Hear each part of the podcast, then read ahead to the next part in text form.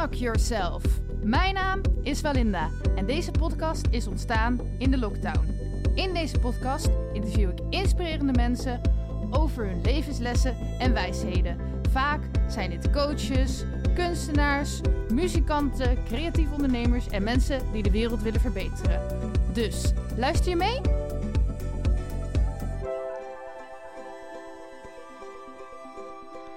En we hebben weer een inspirerend persoon in de podcast. Je hebt een briefje bij je, dat heb ik nog nooit gezien bij een gast. Nee. Vertel. Ik ben bezig met de politiek. Ik zal me eerst even voorstellen. Ja. Mijn naam is Sylvia van Hunnik. Ik woon in Lunteren en ik ben heel veelzijdig. Ik ga daar straks zeker meer over vertellen. Maar ehm, ik ben ehm, eh, eh, bezig eh, met de voorbereidingen voor een sollicitatie, voor een bestuursfunctie, voor een politieke partij in de regio Gelderse Vallei. En ik heb erop gesolliciteerd en ik ben de enige kandidaat. En de punten die ik belangrijk vind zijn onderwijs en gezondheidszorg. Eh, Daar zal ik ook straks meer over vertellen. En ik heb eh, pas geleden een boek gelezen van Teun Toebers. Hij is verpleegkundige eh, in eh, de ouderenzorg en hij woont ook in dat verpleeghuis. En hoe zijn conclusie, hoe hij omschrijft hoe het daar beter zou worden, die punten had ik even opgeschreven, omdat ik daar volledig achter sta. Ik heb zelf ook in de ouderenzorg gewerkt, dus ik weet hoe het daaraan toe gaat. En ik wil ook proberen een heel klein stukje de wereld te verbeteren. nou ja, volgens mij doe je dat op heel veel manieren. Of probeer je dat in ieder geval op heel veel manieren. Ja, dat klopt. Ja, ja ik ben Ehm, heel veelzijdig. Ik zit nu, want normaal zeg ik ook nog wie ben, wie ben je, maar ik was nu te nieuwsgierig naar het briefje. Dus misschien komt de vraag wie ben je, ook al heb je het al een beetje beantwoord, nog een keer zo. Maar eerst wil ik dan weten, welke politieke partij, mag je dat niet noemen? Jawel, dat mag ik dat wel noemen. Dat is de onderwijspartij D66. Oh, en dan gewoon in Ede, zeg maar. Eh, de regio Gelderse Vallei. Oh, zo. in Ede loop ik ook mee, loop ik met de fractie mee. Mhm. Ik wil zoveel mogelijk in alle lagen ervaring opdoen. Landelijk, provinciaal, regionaal en lokaal. En ehm, eh, deze bestuursfunctie deed zich net voor. Dus ik denk, ik ga gelijk solliciteren. En ik werd gelijk opgebeld van eh, deze functie staat al zo lang vakant. En eh, we verwelkomen je graag als kandidaat.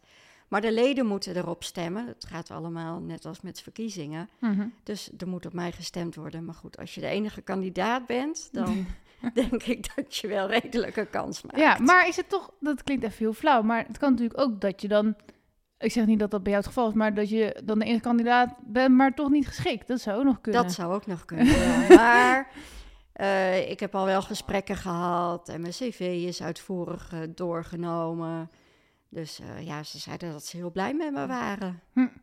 Ik zit nu trouwens wel, maar ik, ik wil, ja, hoe zeg ik dat? Ik wil met mijn podcast niet te veel eh, politieke voorkeuren uitspreken in de zin van, ik ben voor die partij, ik ben voor die partij. Nee, nee. Ehm, het gaat maar- ook over het algemeen. ja, hè? dat inderdaad. Maar ik zit nog wel even te denken, wat ik dan weet over de D66 is dat ze toen juist voor het leenstelsel waren. En, en daar was ik eigenlijk heel erg tegen, ook als je kijkt wat nu de gevolgen zijn, zeg maar. Ja, maar ze zijn eigenlijk ook wel gewoon voor die basisbeurs weer terug. En eh, dat is een van de 66 punten die ze voor elkaar hebben gekregen.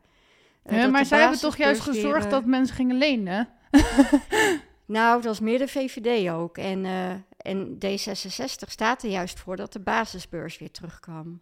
Echt? Ik dacht Ja. dat ze in die tijd dat zeg maar dat leenstelsel begon, dat ze toen juist voor het leenstelsel waren. Ja, nee, ik denk dat dat meer V- V- VVD is. Oké. maar Nou ja, goed, het eh, maakt verder zij waren is voor het er invoeren van de basisbeurs. Want er kwamen veel te veel schulden natuurlijk voor al die eh, studenten. Ja, misschien nu dus, maar vol- ik dacht dus, maar niet om nu een discussie te dat zij hem juist hadden dat leenstelsel hebben ingevoerd. Maar goed, ik, ik vergeef het ze. Als ze nu het onderwijs weer goed gaan maken. Ja, ze hebben het, eh, nu sowieso is het weer teruggedraaid eh, dankzij hun inzet. Dus, maar je hebt het jezelf al een beetje voorgesteld. En toch, je doet zoveel dingen. Dus Klopt. wie ben je nou het meest? Eh, mezelf, ik blijf dicht bij mezelf. Mhm. Ik ga geen rol spelen of zo. Ehm, ik eh, ben geboren in Amersfoort, opgegroeid in Leusden. En eh, sinds 2007 woon ik in Lunteren. Heel leuk, getrouwd en een jaar later een dochter gekregen, Angelina. En ik vind het gezinsleven vind ik heel belangrijk. Hè? Dat is de, de basis, de hoeksteen, zeg maar, van de samenleving, zoals dat vroeger genoemd werd. Dat vind ik het allerbelangrijkste, dat die basis goed is. Dus ik uh, onderneem heel veel met mijn dochter. We hebben ook samen een uh, radioprogramma. Ik, heb, uh, ik ben begonnen in de zorg, gezondheidszorg, ouderenzorg. Daar heb ik de opleidingen voor gedaan, MBO. Ik vond dat leuk, maar lichamelijk werd dat wel wat zwaarder op den duur. De rek was er toen al een beetje uit, uit de gezondheidszorg. Dat is nu nog erger. Mm. En uh, dus toen dacht ik, ik ga me omscholen. Heb ik me omgeschoold voor medische secretaresse. Dat heb ik drie jaar gedaan. En ik had een uh, sollicitatie lopen na die drie jaar, want toen was mijn contract afgelopen bij de politie uh, voor persvoorlichting. En toen ben ik aangenomen. En toen ben ik uh, journalistiek gaan doen en zo heb ik steeds meer de mediakant leren ontdekken. Bij de politie was ook maar tijdelijk. Dus toen ben ik naar de gemeente Leusden gegaan. En uh, daar zat ik ook raadsvergaderingen bij. Ook omdat ik toen voor de krant, voor de BDU ging werken, Leusden Krant. En zo uh, rolde ik steeds meer in de journalistiek uh, en in de politiek. En ik werd gevraagd in Leusden voor politieke partijen. Maar ik wist dat ik naar Lunteren ging verhuizen. Dus dan kun je het mij niet afmaken. Dus dan uh, is het uh, niet praktisch om zo'n functie aan te nemen. Mm-hmm. Nou, de journalistiek heb ik me verder in verdiept. En uh, ik schreef al heel veel. Vanaf mijn zestiende schrijf ik al gedichten. Ook voor uitgeverijen en zo. Um, dus toen ben ik steeds meer die kant op gegaan eigenlijk. Nou, naar Lunteren verhuisd. Uh, toen dacht ik, ja, toch gezondheidszorg, toch wel leuk. Heb ik me omgeschoold als pedicure. Je hoort al, ik doe heel veel studies. Mm-hmm. dat is echt mijn hobby. Ja, en het is ook zo breed nog, want zeg maar, pedicure is wel weer heel wat anders. Ja, ja, ja, ja. ja, ik, ik had er veel aan dat ik uh, verzorgende en doktersassistenten toen al had gedaan. Ja. Maar ik dacht, het is ook goed te combineren als je een baby in huis hebt. Dus... Uh, ja, dat, dat was ook heel goed te combineren. Dus dat heb ik een groot aantal jaren gedaan. En toen zocht ik iets uh, voor de stabiliteit van de inkomsten. Um, wat, uh, uh, ja, wat wel eh, goede inkomsten gaf. Maar wat ook goed te combineren was met het gezinsleven. Dus toen heb ik gesolliciteerd in de schoonmaak bij een bank bij mij in de buurt. En daar werd ik ook gelijk aangenomen. Weer een heel ander soort functie, maar ik denk, ja, het is wel goed te combineren met uh, het werk van mijn man. Nou ja, dat heb ik ook een groot aantal jaren gedaan. En uh, uh, ja, nu ga ik toch weer steeds meer de kant van journalistiek op. En mijn dochter ook, die vindt dat ook uh, superleuk om te doen. Die heeft stage gelopen bij Omroep Ede. En daar kreeg ze een baantje aangeboden of, of zij ook presentatrice wilde worden. Want zij wil ook inderdaad die kant op. Maar ze was te jong. Dus toen zei ik van nou, met mijn mediaervaring, als ik nou dat programma kan doen, dan kan zij mee presenteren. En dan kan zij uh, dat ook gaan doen. Ja.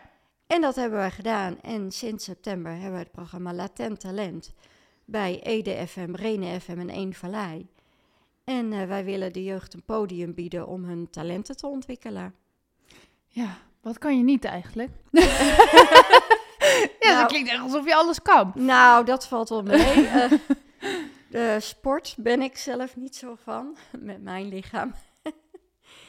en um, uh, ik uh, heb bijvoorbeeld ook geen rijbewijs, maar ik maak daardoor wel heel veel gebruik van het openbaar vervoer. Dus ja, dat zijn mijn zwakke punten, zeg maar. Oké, okay. en um, um, ja, weer een hele andere vraag, maar die krijg ik zo in mijn hoofd op. Van, uh, vind je dan niet, echt een vooroordeel van mij, dat je als journalist um, geen politieke partij zou moeten aanhangen? Want een journalist moet toch ergens ook een beetje vrij zijn van bij een bepaalde groepering aansluiten? Of is dat helemaal raar gedacht van mij? Nou, uh, sowieso vind ik transparantie heel belangrijk. Ja. En dat, uh, dat doe ik ook. Want in mijn programma komt niks politieks voor. Mm -hmm. De kinderburgemeester komt wel een keertje. Maar goed, die is er voor iedereen. Ja. En uh, mijn persoonlijke mening laat ik sowieso niet in het programma doorvoeren. Wij hebben ook altijd gasten en die gasten mogen altijd een uh, playlist uitzoeken. Um, dat stellen ze zelf samen. En daar komt ook in voor dat het soms helemaal niet mijn muziekkeuze is. Mm-hmm. Maar ik wil zo breed mogelijk er voor iedereen zijn. Ja. En mijn mening is daar dan onder geschikt aan. Ja. ja. Het is gewoon belangrijk wat vindt de een leuk en wat vindt de ander leuk. En wij willen er gewoon voor een breed publiek zijn. Maar af en toe mag je toch wel je mening geven in, in een eh, radioprogramma. Anders dan is het net alsof, ja, ik weet niet, ik probeer zeg maar in mijn podcast ook wel, ehm, zeg maar iemand in ieder geval niet te veroordelen op zijn mening. Maar het is soms ook leuk als ik wel een mening heb. Nou ja, dat kan bij de politieke partij zelf. Maar in Ja. het radioprogramma zijn wij echt transparant. Oké. Nou, zo knap. en ehm, als je dit dan zo allemaal op een rijtje hoort, of ja, het is jouw leven, dus voor jou is het misschien heel normaal. Maar ik hoor dus allemaal verschillende dingen die in principe wel op elkaar overlopen, maar ergens ook weer helemaal niks met elkaar te maken hebben. Dus wat is nou jouw missie op deze aarde? Dat is een hele zweverige vraag eigenlijk. Misschien moet ik het veel simpeler vragen. Maar ja, mijn interessegebieden, dat zijn eh, mens, media en maatschappij. En dat loopt als een rode draad door alles heen wat ik doe. Mhm. Dus dat is een beetje de, het samenvattend geheel, zeg maar. Ja, En, Mens, media, maatschappij. en wat wil je dan voor die mens of voor de media of voor de maatschappij bereiken? Of heb je daarin geen doelen, zeg maar? Ja, ik wil mensen helpen, tot steun zijn, eh, hoop bieden, dat ze iets aan mijn uitspraken, iets aan mijn gedichten of stuk, stukken tekst hebben. Ehm, dat ik ze blij kan maken met bijvoorbeeld het radioprogramma. Dus ja, mensen tot steun zijn, mensen dienen, helpen. En waar komt dat helperige karakter vandaan? Of denk je dat iedereen dat heeft? Of... Ja, ik, eh, ik denk dat dat met de paplepel wordt ingegoten. Ja, dat dat in de genen zit, zeg Mhm. maar. Dus, Het jouw, verzorgende, ja. dus jouw ouders die waren ook eh, dat ze heel betrokken waren met de maatschappij en de mensen om hen heen. Ja, mijn vader die, eh, die was leerkracht in het basisonderwijs. Dus die heeft nou ja, dezelfde interessegebieden als ik. Eh, heeft ook veel met jeugd dus te maken. En dat is bij mij ook, behalve dan de ouderenzorg. Maar daarnaast vind ik jeugd heel belangrijk. Ik doe ook eh, kinderkring bij ons in de kerk al eh 15 jaar. Eh, ja, ik, wil heel veel voor de jeugd doen. Ik heb, ben ook nog ehm, eh, eh, tussenschoolse opvang eh, kracht geweest. Dus voor het overblijven voor de kinderen. Nou ja, natuurlijk het radioprogramma. Eh, ja, ik, ik wil heel veel voor de jeugd betekenen. Ja, En lukt dat ook? Want zeg maar, sommige mensen zeggen tegen mij dat ik veel doe, maar als ik dan hoor wat jij allemaal doet, dan denk ik, slaap je wel eens? dat schiet er inderdaad soms bij in. Ja. Als je, zeker als je een perfectionist bent. Maar hoe doe je, ja, nee, dat vind ik oprecht. Hoe doe je dat? Want, ehm, nou, ten eerste heb je natuurlijk dan, eh, ik weet niet, je werkt nu in een bibliotheek volgens mij. ja, klopt. Dat doe Ehm, ik ook. Dus je hebt aan de ene kant je werk, je hebt je gezin waar je voor moet zorgen. Dan heb je nog allemaal Ja. ambitieuze projecten. En dan denk je, oh, dat is leuk, maar dan heb je daar nog weer huiswerk van of Ja, zo, of ja. voorbereidingen. Of... Dus hoe plan je dat in? Ja, eigenlijk werk ik altijd heel efficiënt. Mhm. Ik heb eh, s s'morgens altijd een vast schema. Eh, nou, eerst even aankleden, ontbijten, ontbijtje voor mijn dochter maken. Eh, dan ga ik even het, huis schoonmaken wat nodig is, eh, de was doen, de post en de mail. Nou ja, dan ben ik een beetje zo eh, tussen de middag klaar. En dan zorg ik voor de warme maaltijd meestal. En dan, ja, smiddags dan ga ik aan de slag. En dan, ja, wat er nodig is. Op woensdag dus het radioprogramma hebben we. Op donderdag werk ik ook nog op een school. bestuurs- en beleidstaken. Eh, dat is eh, meestal 's avonds. En op vrijdag in de bibliotheek. Dus dan bereid ik dat allemaal voor. En dan eh, ja, deel ik mijn tijd heel effectief in, zeg maar. Ja, oké, dus op zich, je werkt dus niet bijvoorbeeld vijf dagen in de week bij de bibliotheek, dat scheelt dan al wel. Maar aan de andere kant, allemaal losse projecten waar je allemaal weer losse dingen voor hebt, dat is in je hoofd misschien heel veel. Ja, nou ja, dat is inderdaad. Je hebt al overal vergaderingen van Ja. en dingen die je moet voorbereiden. Maar ja, ik ben wel goed in plannen en organiseren. Dus eh, ja, En stel, er komt nu iemand ehm, op je pad ehm, die dan, nou ja, nog weer iets... Je, nou, je deed laatst ook mee met die stadsdichtersverkiezing waar ik ook aan meedeed. ja, ja. Ehm, nou, dat kost ook weer tijd. Dus, dus wanneer heb je op een gegeven moment dan ook een keer dat je nee zegt van dit, dit gaat niet meer, want het is te veel? Of zou je gewoon altijd overal ja op zeggen? Eh, nee zeggen is mijn zwakke punt, ja. dus je hebt dat geen limiet. Ja, iedereen heeft een limiet. Op een gegeven moment val je vanzelf een keer om. Maar ja, ja, zeg maar, eh, ja, heb je tot nu toe wel eens ge- gehad dat je ergens nee tegen zei? Of? Toevallig wel deze week, inderdaad. ja, ik heb nu eh, ja, heel veel politieke afspraken en alles wat ik moet voorbereiden. En de school gaat wel stoppen, dus daarom wilde ik wat extra's doen. Daarom ook die keuze voor de politiek dan nu. Wat ik eigenlijk al eerder in mijn leven had willen doen en voor gevraagd werd. Maar nu had ik zoiets van, nu ga ik echt actief worden. Uh, en ik werd uh, nu ook weer ergens gevraagd om voor te lezen in Ede. En dat is allemaal hartstikke leuk. Dat doe ik ook bij de bibliotheek op vrijdag. Mm -hmm. Heb ik een heel clubje met kinderen die ik dan voorlees en waar ik een knutselopdracht mee doe. Maar toen dacht ik wel, ja, dat is wel heel erg uh, veel. En dat doe ik ook eigenlijk al. Dus ik zei, je mag mijn naam wel laten staan voor ooit in de toekomst. Maar uh, nu is dat uh, heel moeilijk planbaar eigenlijk. Dat was op een woensdag en dan is ons live-programma ook. Ja. En dan kan ik niet zeggen van, uh, ik verzet het live-programma nee. even of ik kom iets later. Dat kan natuurlijk nee. niet. dus dan zie je gewoon praktisch, oh ja, dan ben ik al bezet op die dag, dus dan zeg je wel af. Ja. Ja. ja. ik had zeg maar, ik heb van nature ook wel de neiging om, uh, als ik iets heel leuk vind, om dan gelijk ja te zeggen en daar dan voor te gaan, zeg maar. Ja, ja, jij um, bent ook wel enthousiast, ja. Ja, alleen ik heb zeg maar, ik weet niet eens meer precies hoeveel burn-outs, maar ik heb er meerdere gehad. Oké. Minimaal ja. drie. En um, ja, dat, ik kom wel steeds meer tot besef hoe kort dagen eigenlijk zijn en, en hoe snel de tijd gaat. Het gaat snel, hè? 24 uur. Dat ook. en ook van, je kan wel heel veel doen, maar als je er niet van geniet, dan kan je het beter ook gewoon niet doen, zeg nee. maar. Dus um, laatst was er hier bijvoorbeeld, uh, hadden ze allemaal ideeën voor de buurt, ook met muziek en zo, en activiteiten. En dan vind ik het wel leuk om mee te denken, maar ik ja. zeg dan wel van, oké, okay, ik, ik zou het liefst gewoon... Um, de, de eindverantwoordelijke zijn en alles regelen, maar ik weet dat het op lange termijn praktisch, dat, dat gaat me gewoon te veel worden, zeg ja. maar. Dus dan ga ik, ja, hou ik me toch een beetje weer in. Dus dat vind ik op zich ook wel knap van mezelf dat ik dat leer. Ja, ja, ja. ja nou ja, dat is ook zo. Je kunt niet alles. Nee. Maar ik, ik heb het wel zo afgekaderd dat ik weet van, ik red het wel, zeg maar. Ja. Dus dat wel.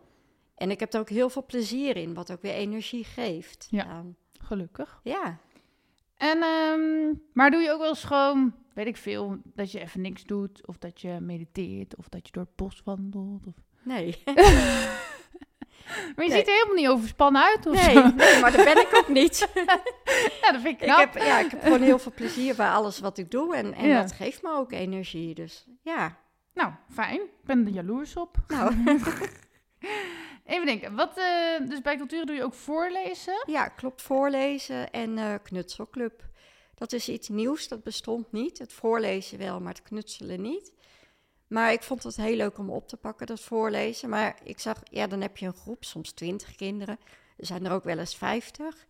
En ook wel eens vijf. En ja, weet je, dan na een tijdje wordt ze toch een beetje onrustig. Mhm. Ik denk, ze moeten iets te doen hebben ondertussen dat ik voorlees. Mm-hmm. Dus toen heb ik voorgesteld van, uh, zal ik wat knutselmateriaal meenemen? Want ik knutsel thuis ook heel veel. Nu wel minder hoor. Ik geen tijd meer voor. maar, um, uh, dus toen heb ik uh, ja, de knutselspullen meegenomen en... Dat vonden ze hartstikke leuk om te doen. En zo is dat uitgegroeid dat ik uh, elke vrijdag een ander thema heb. En dat ik dan in dat thema een boek voorlees en ook het knutselwerkje aanpas. Leuk. Nou, we hebben pas bijvoorbeeld de politie gehad. Uh, die heb ik gevraagd, zowel voor mijn radioprogramma als voor de bibliotheek.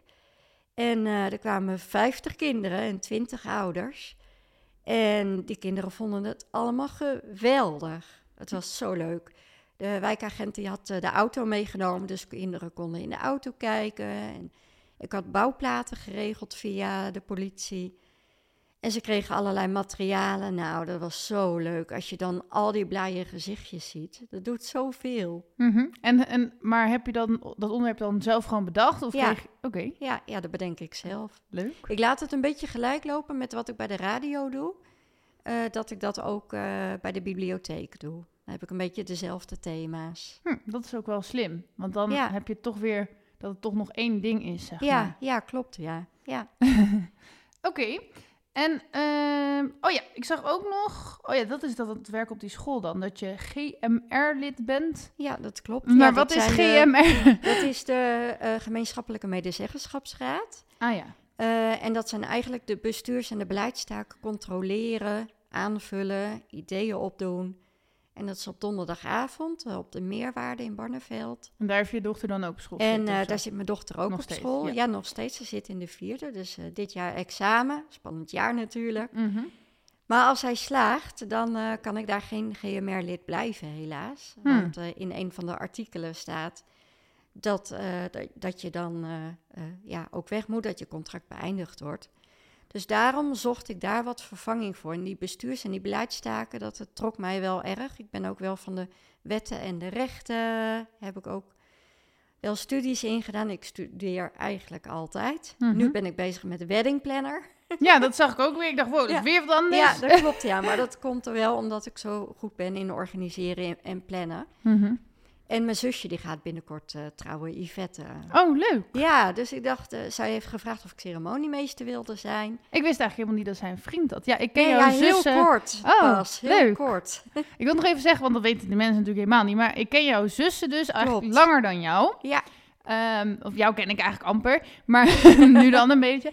Maar eh, je zus ook niet door en door. Maar die zie ik heel vaak op de verjaardag van een vriend van mij. klopt. Ja, En ik vind jouw zussen altijd zo leuk, want eh, ze zijn altijd heel vrolijk, ja klopt. heel enthousiast, Ja. heel energiek. En als ze zeg maar samen zitten, ik weet niet hoe dat met jou erbij is natuurlijk, Ja, maar hun ook. met z'n twee op een verjaardag, dan is dat het ja, ja, ja, ja. Ik weet niet, gewoon alsof het één wezen is. Ja, klopt. Bijna alsof ze een tweeling zijn of ja, zo. ja, dat hebben wij met z'n drieën. Ja, We hebben ook een drie zussen app, dus we hebben continu contact met elkaar. leuk. Bij alles. Ja, ik vind dat echt leuk hoe, hoe eh, die dynamiek tussen hun Ja, is, zeg ja. maar. Ja, klopt. Is ook zo. Ja. Ja, dat hebben we altijd met z'n drieën gehad. Ze zijn een stuk jonger dan ik, is ook wel leuk om te vertellen. Mhm. Eh, mijn eerste zusje werd geboren toen ik 14 was, Daniela. En toen ik 16 wa- eh, was, eh, werd Yvette geboren. Dus ik was eigenlijk een soort moeder voor hun, zeg maar. Mhm. Ja, ik heb ze wel mee helpen opvoeden. En ik was toen bezig met de opleiding voor verzorgende. En eh, ja, dan moest je ook bij baby's moest je, sommige reflexen bijvoorbeeld testen. Dus een aantal klasgenootjes van mij die kwamen bij ons thuis om dan te kijken hoe dat dan werkt met babyreflexen. Dus dat was wel heel leuk. Dus ik ben er altijd voor hun geweest. En eh, andersom is dat ook zo. Ja, dus eigenlijk dat enthousiasme hebben ze gewoon een beetje van jou geleerd.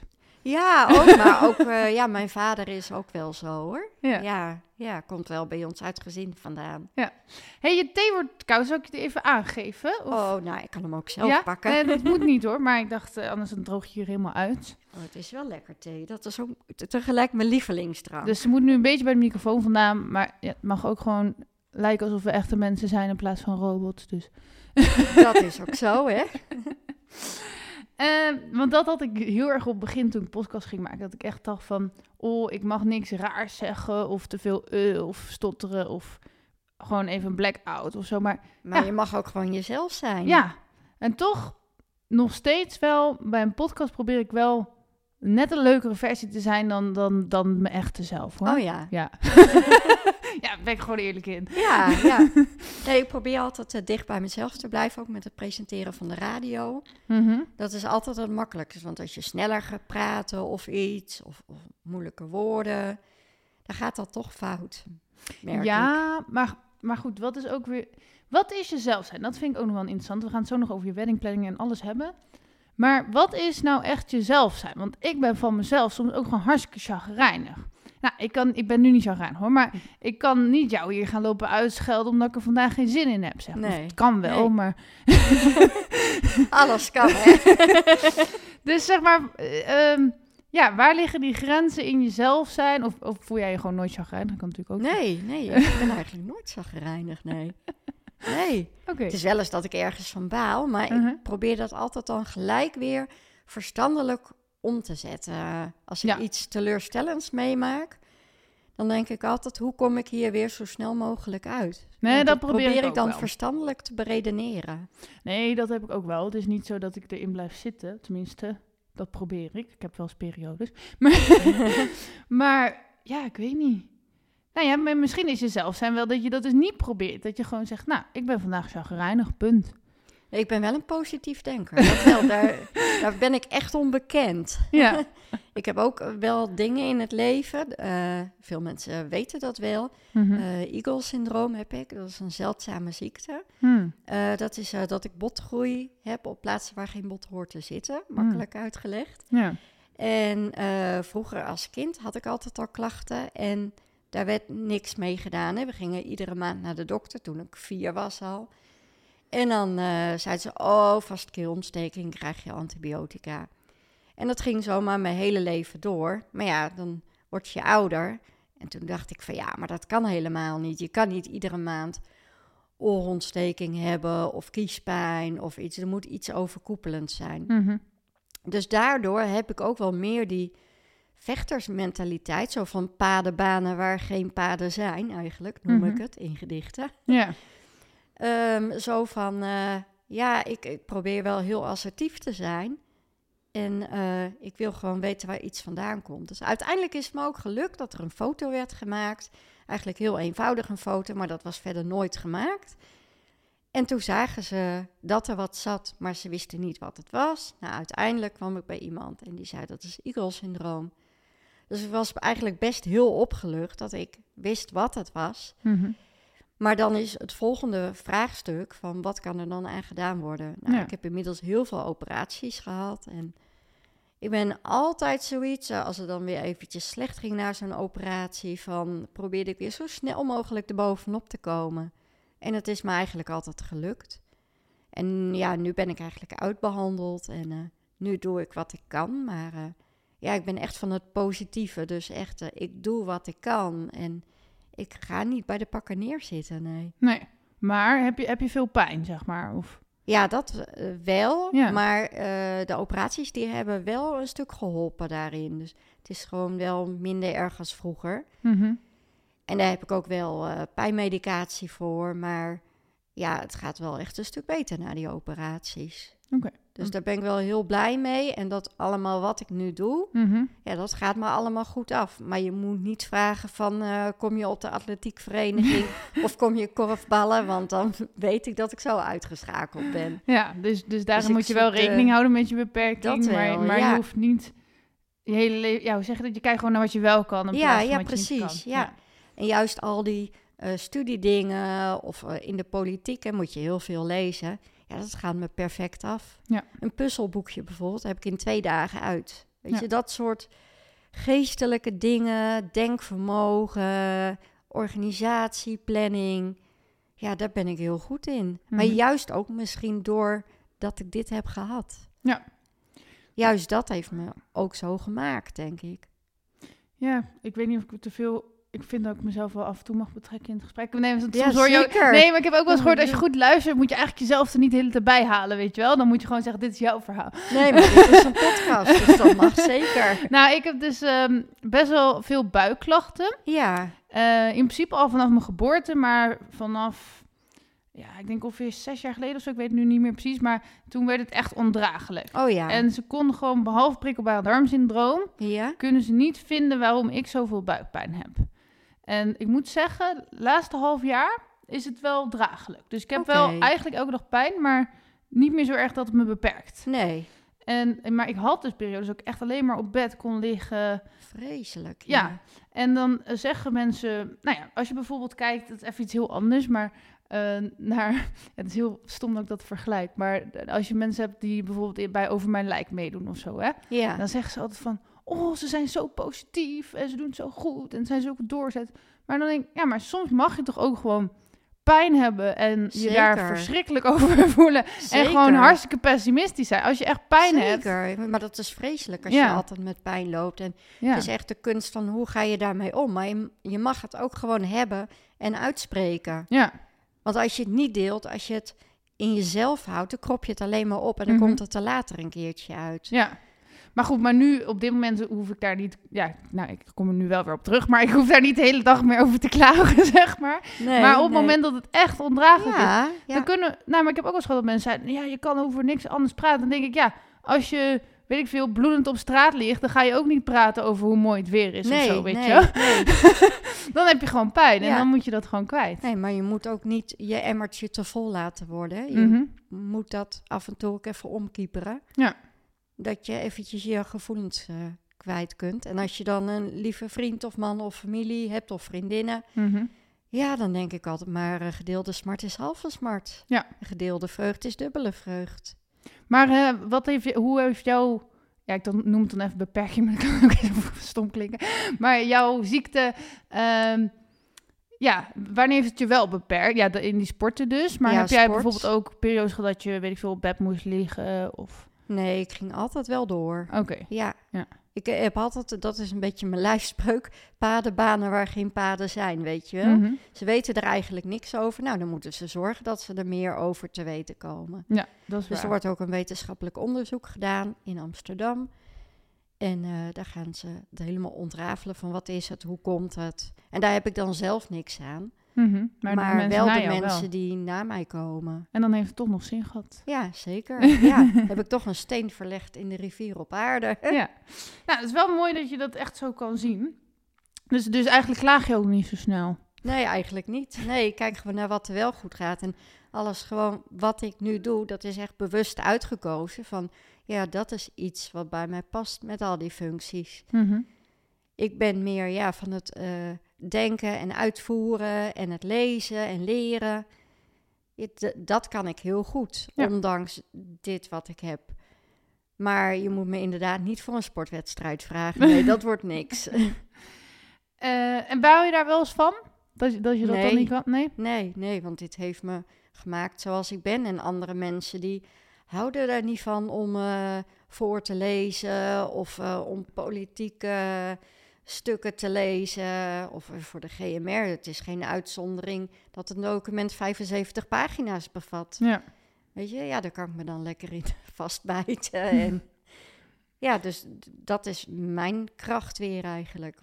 Dus het klinkt ook alsof je jezelf en je leven best wel nou, accepteert, waardeert, zeg maar. Maar zijn er ook Ja. dingen, los van, het hoeft niet per se ziek te zijn, maar gewoon dingen in het leven waar je van baalt, wat je gewoon stom vindt of lelijk of... Weet je wel, zijn er dingen waar je echt boos om kan maken of kan, over kan klagen?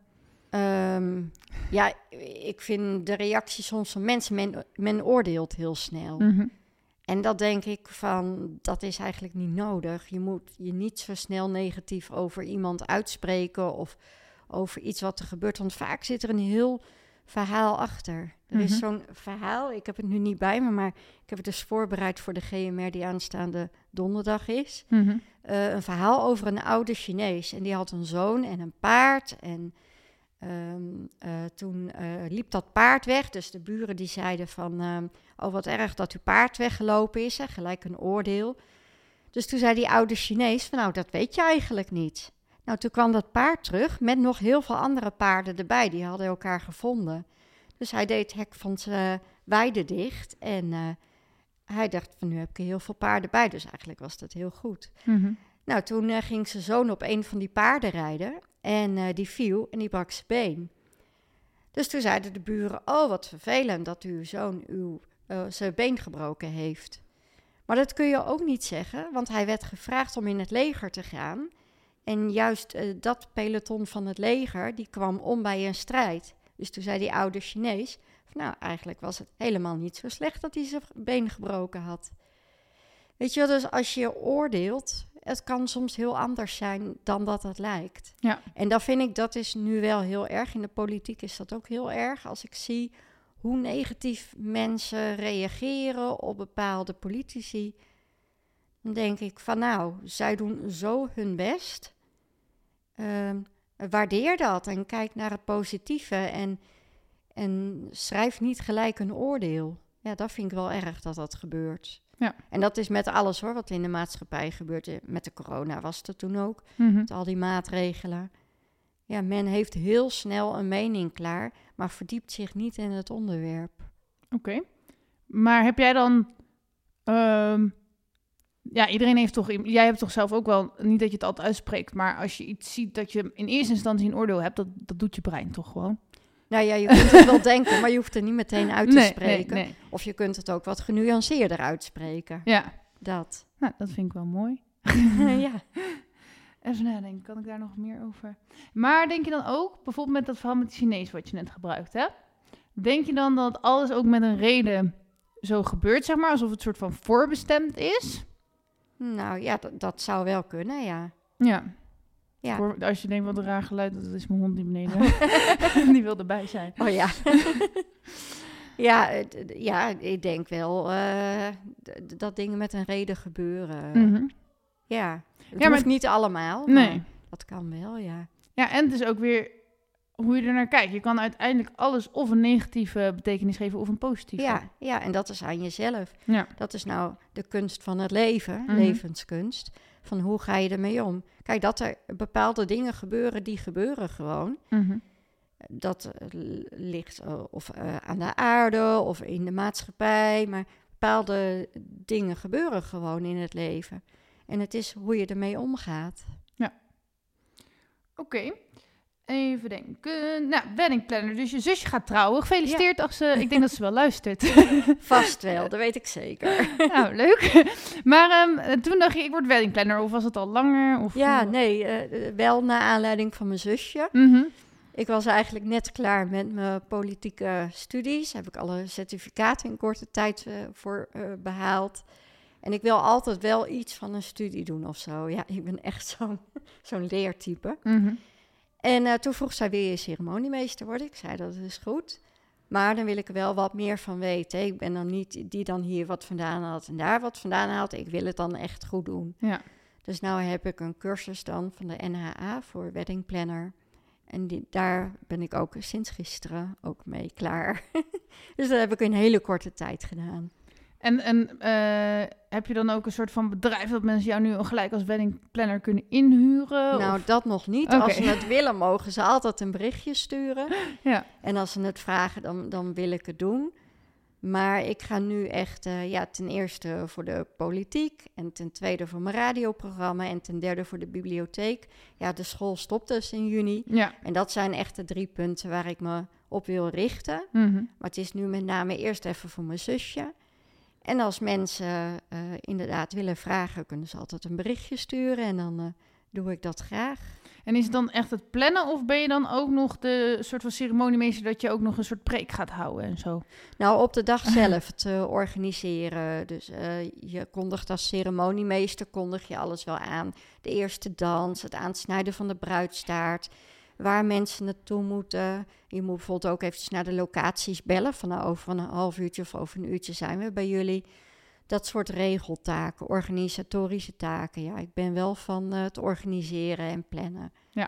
Maar, eh, dus je gaat niet een verhaaltje houden van, oh jullie kennen elkaar hier en hier, van- dat doet iemand anders.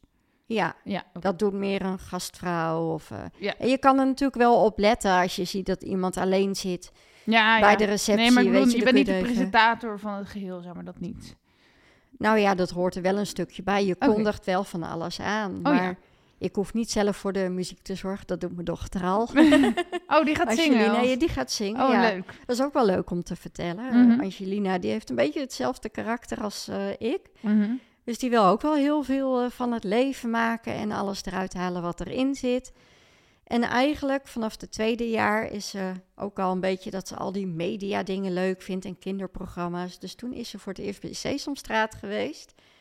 Toen ze een jaar of zeven, denk ik, was. eh, bij Hip voor Nop. En Nederland Zingt. En eh, Droomkamers is bij ons thuis opgenomen eh, programma van Nickelodeon, waarin de slaapkamer in één dag omgetoverd wordt tot een themakamer. Dat is eh, bij ons geweest. Leuk, wat voor themakamer had ze? Eh, ze had een studio en The Voice. Oh, toen leuk. nog, Ja. had je, dus eh, echt muziek. Mhm. En dat is nu ook de richting die zij opgaat. Ze wil media content creator gaan doen. En ze kan heel mooi zingen. Ja, ja zeker. Ja, ja, daar houdt ze van. Ze wil overal zingen en optreden. En is elke dag bezig met het opnemen van muziek. Liedjes maken, liedjes kofferen, videootjes maken, geluidsopnamen maken. Dat is haar leven. En jij zingt zelf niet? Ja, ook. Ook. Heb ik eh, altijd gedaan op een koor. Nu in Lunteren doe ik dat niet. Maar in Leusden zat ik eh, op het jongere koor Leusden. Generations heet het nu. En dat was een, eh, zowel een christelijk koor, katholiek eigenlijk, als een popkoor en musicals deden we ook. Dus dat was hartstikke leuk. Heb ik altijd gedaan. Ik hou zelf ook van zingen. Oké. ehm, ik weet echt... ik- Jij hebt ook nog een man, toch? Of niet? Ja, klopt. Zie, zie die wel eens? ja, Omdat je zeg maar zoveel doet en Ja. je dochter en... eh, ja, nee, ja, dat wel. Eh, ja, toen ik bij de Rabobank werkte, toen, eh, als hij thuis kwam, dan ging ik werken. Dus dan was dat wel minder. mhm. Maar ja, nu hij brengt mij heel vaak. Nou, daar ben ik natuurlijk super blij mee. Want ja, ook fietsen is bij mij wat, wat minder, zeg maar. Mhm. Met dat Eagle-syndroom. Ja, hij wil mij dan eh, gelukkig heel vaak brengen. Dus daar ben ik super blij mee.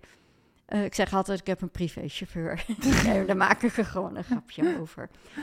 Maar eh, nee, maar dan brengt hij mij. En ja, dankzij dat is dat voor mij ook een stuk makkelijker. Maar jullie hebben niet echt dat je gezamenlijk naar al die dingen gaat wat je doet en zo. Ja, heel vaak wel. Wel, heel vaak als hij kan, dan wil hij ook wel mee. En het middageten hadden we ook altijd gezamenlijk. Oh ja. Mijn dochter die kwam dan uit school, toen hadden ze nog geen continu rooster. En hij werkte in de buurt, dus hij kwam tussen de middag thuis eten. Dus we hadden altijd een warme maaltijd samen. En eh, na het werk samen en in het weekend. Dus eh, ja, we zijn wel veel bij elkaar. Oké. Dus dat is heel, eh, heel leuk. En dat is denk ik ook, het gezin is gewoon de basis van alles. Mhm. Zo zie ik dat ook voor Angelina, mijn dochter.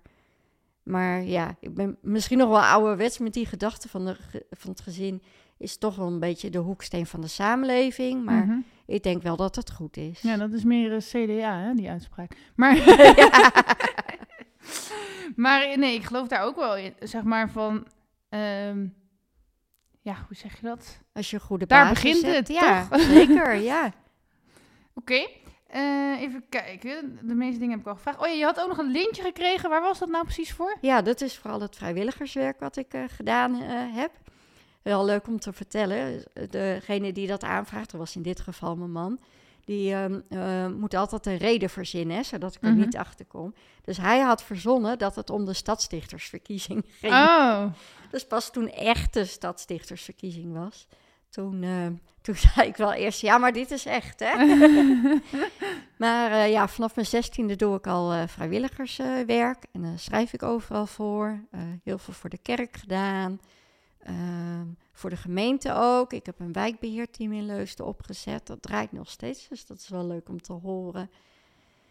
Ja, ik deed altijd heel veel vrijwilligerswerk in de cultuur, in de zorg, religieus.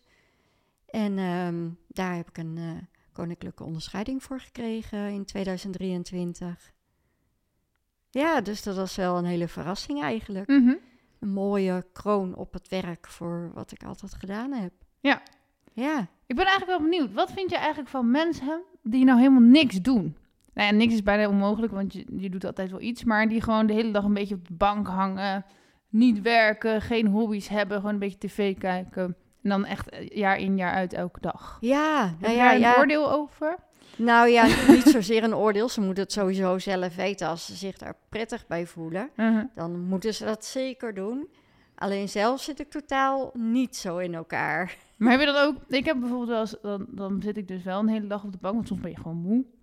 Maar dan, dan voel ik echt een schuldgevoel of zo van, oh, wat ben ik het niet nut die helemaal niks aan het doen is en wat ben ik ook lui. Heb je dat ook of niet? Mm, Nee, Niet. nee, nee. Nee, iedereen moet het voor zichzelf weten. Want, nou ja, misschien ook wel in jouw geval. Je Mhm. bent niet voor niks moe. Hè? Dat kan ook voortkomen uit, eh, nou ja, darmproblemen Ja. buikproblemen. Dus Mhm. dat kan en dat mag. En geef dan vooral die ruimte aan jezelf om het dan eventjes een stapje terug te doen. Ja.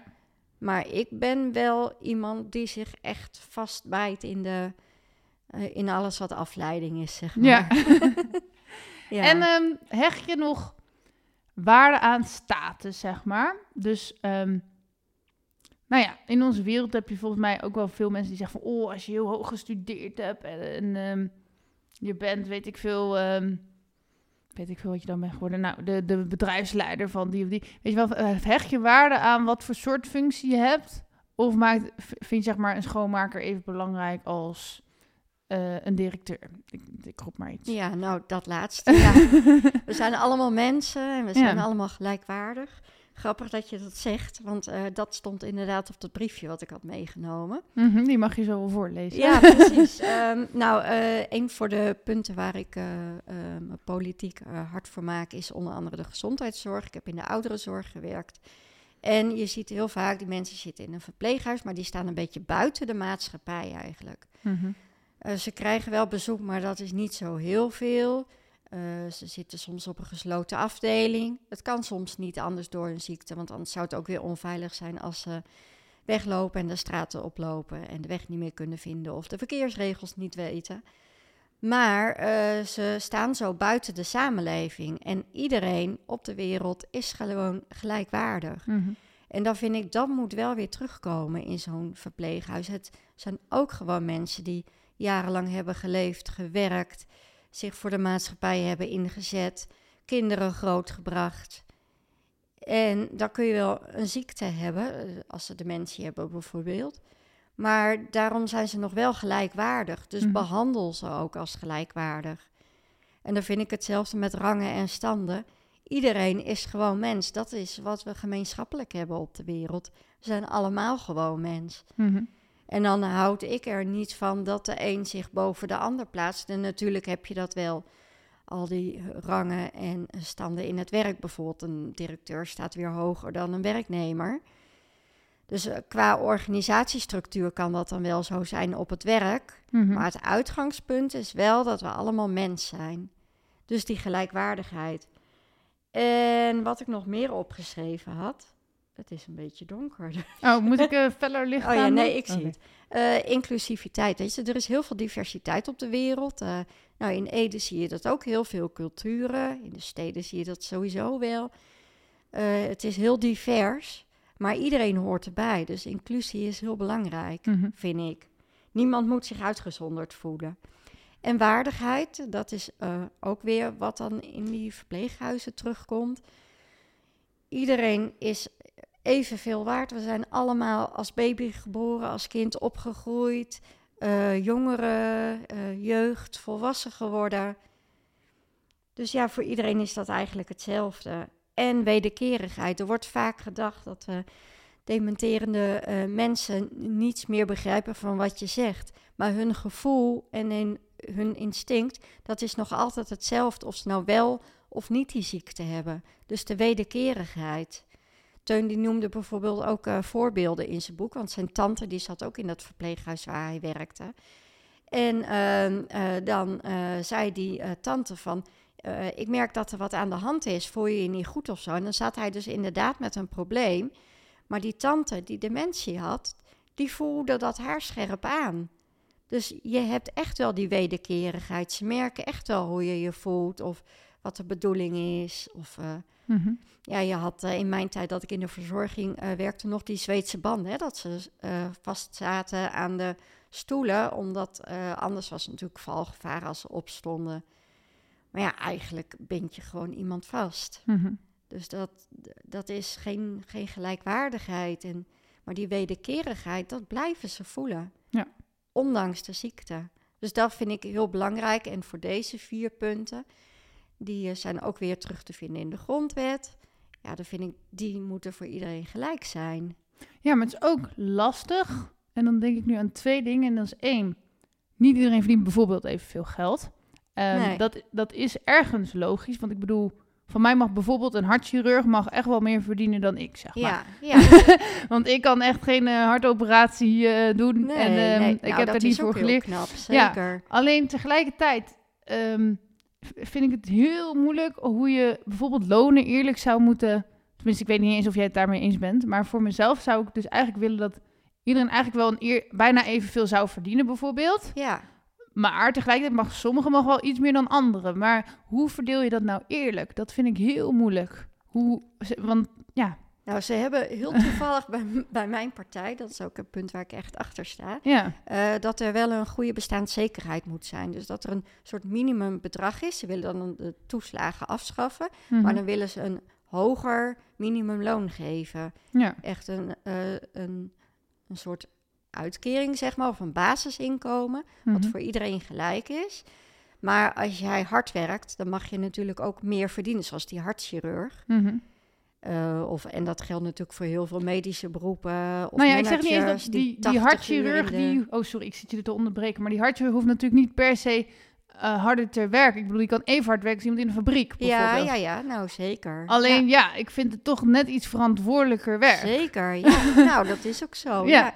En iemand die er hard voor werkt of die heel verantwoordelijk werk doet, ja, die, die mag natuurlijk meer verdienen. Want eh, die heeft daar ook voor gestudeerd en heeft ook heel veel verantwoording. Mhm. Dat is met een chirurg al helemaal. En, en een burgemeester. En iemand die veel verantwoordelijkheid heeft. Die moet daar wel naar betaald worden. Ja. Maar er moet wel een soort ehm, eh, vaste ondergrens zijn. Dat mensen wel altijd mee kunnen draaien in de maatschappij. En nu gebeurt dat heel vaak niet. Je ziet ook heel veel verschil tussen gemeentes. Mhm. De ene gemeente regelt het zo en de andere gemeente zo. En het ligt dan net aan in welke gemeente je woont. Ja, daar, het moet wel landelijk zo zijn dat iedereen een goede bestaanszekerheid heeft. En eh, als je ziet hoeveel mensen naar de voedselbank zouden gaan, of tenminste, ik zie dat ook van beelden op tv. Ik ben Mhm. er zelf nooit geweest, maar Mhm. dat is toch een hele grote groep. Dan denk ik dat zou niet nodig moeten zijn in een rijk land als Nederland. Nee, maar ook als je bijvoorbeeld gewoon in bedrijfsfuncties, kijk, weet ik veel, een eh secretaresse die eh, belt en mailt de hele dag bijvoorbeeld. Maar misschien doet die directeur wel precies de hele dag een beetje hetzelfde, alleen Ja. net met andere mensen. Waarom Ja. zou dan de directeur meer geld krijgen? Ja, het is ook omdat het zijn eigen bedrijf is natuurlijk, maar ja. Ja, ja. ik denk toch die verantwoordelijkheid Ja. dan weer, dat dat daarin zit. ja.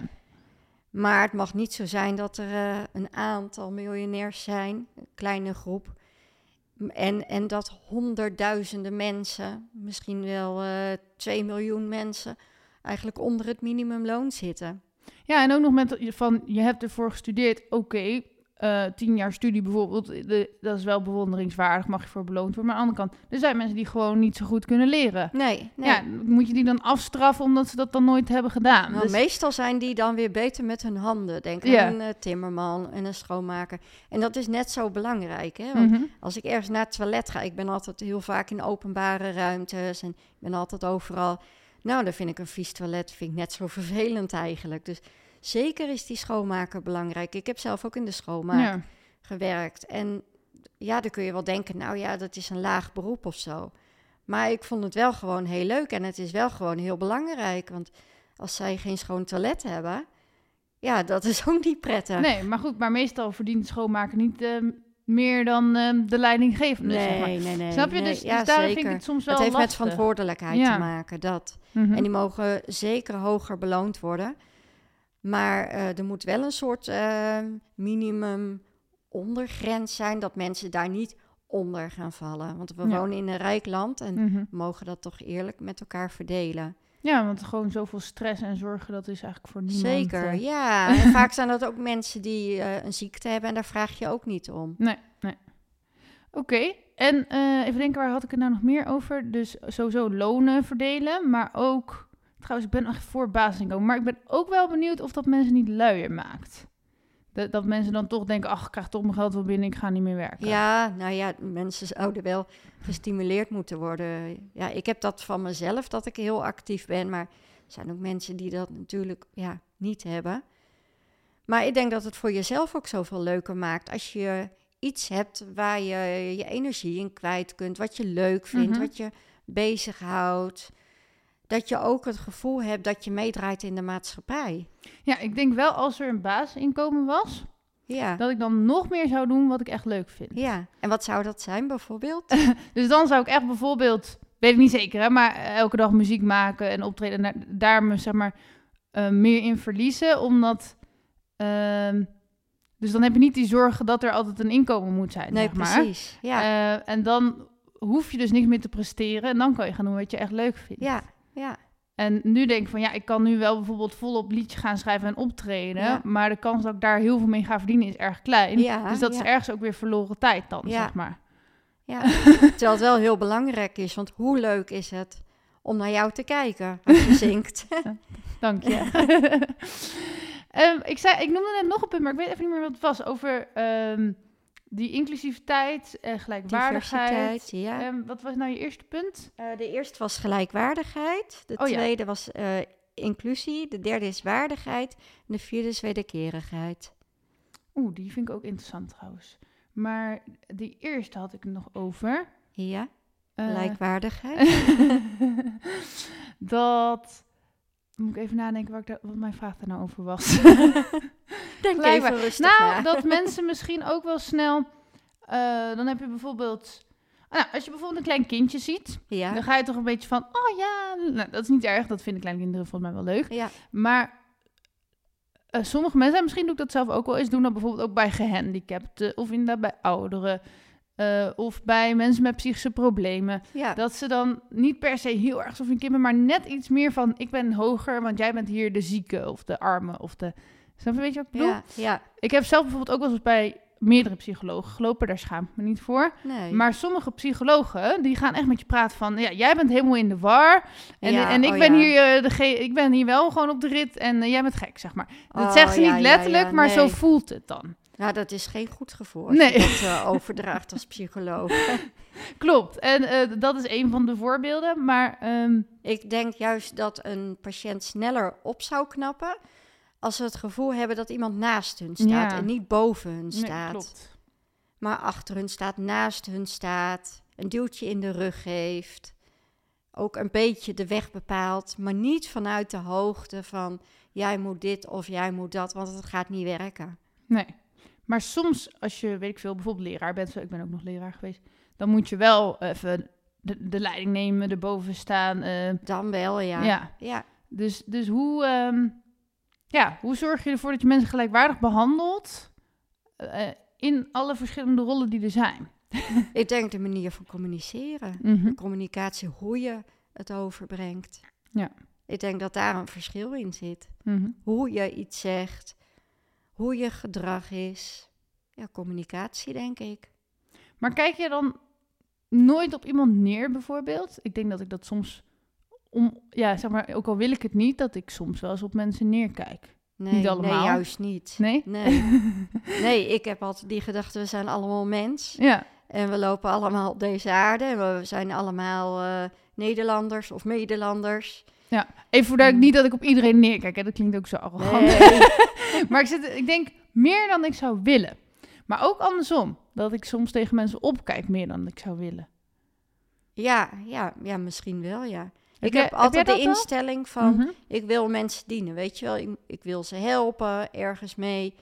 Dus ik bekijk meer vanuit de lagere positie. Misschien, nou, je wegcijfer is helemaal niet het goede woord, Mhm. maar ik mm, probeer mensen wel vooruit te helpen, zeg maar. Ik wil er niet boven staan, Mhm. maar het liefst ernaast. Ja. Of er ietsje onder, maar juist om ze te helpen, weet je wel. Dus je dienstbaar opstellen. Dat is niet wegcijferen, maar Mhm. je wel dienstbaar opstellen. Van ik wil dit voor je doen of eh, dat voor je doen. Misschien kan ik je daarmee helpen. Maar meer om naast en met iemand mee te lopen. Ja. Dus er niet op neerkijken, dat sowieso niet. Nee. En tegelijk, dat doe ik niet ehm, als een aanval, maar wie zegt dat wij jouw hulp nodig hebben? Ja, Daar heb je ook wel een soort van zelfvertrouwen voor nodig. Ja, jij, ja, ja, nee, maar dat, dat hoeft ook niet. Maar iemand kan er wel om vragen. Als ik merk dat iemand ermee zit, dan... eh, ehm, ik ken bijvoorbeeld iemand eh, binnen de partij en eh, we maakten zo een praatje en zo. Eh, ook van eh, beroepen. Hij werkt bij een bank en eh, eh, eh, ik heb heel veel verstand van PR, voorlichting en journalistiek. eh, al vanaf mijn zestiende.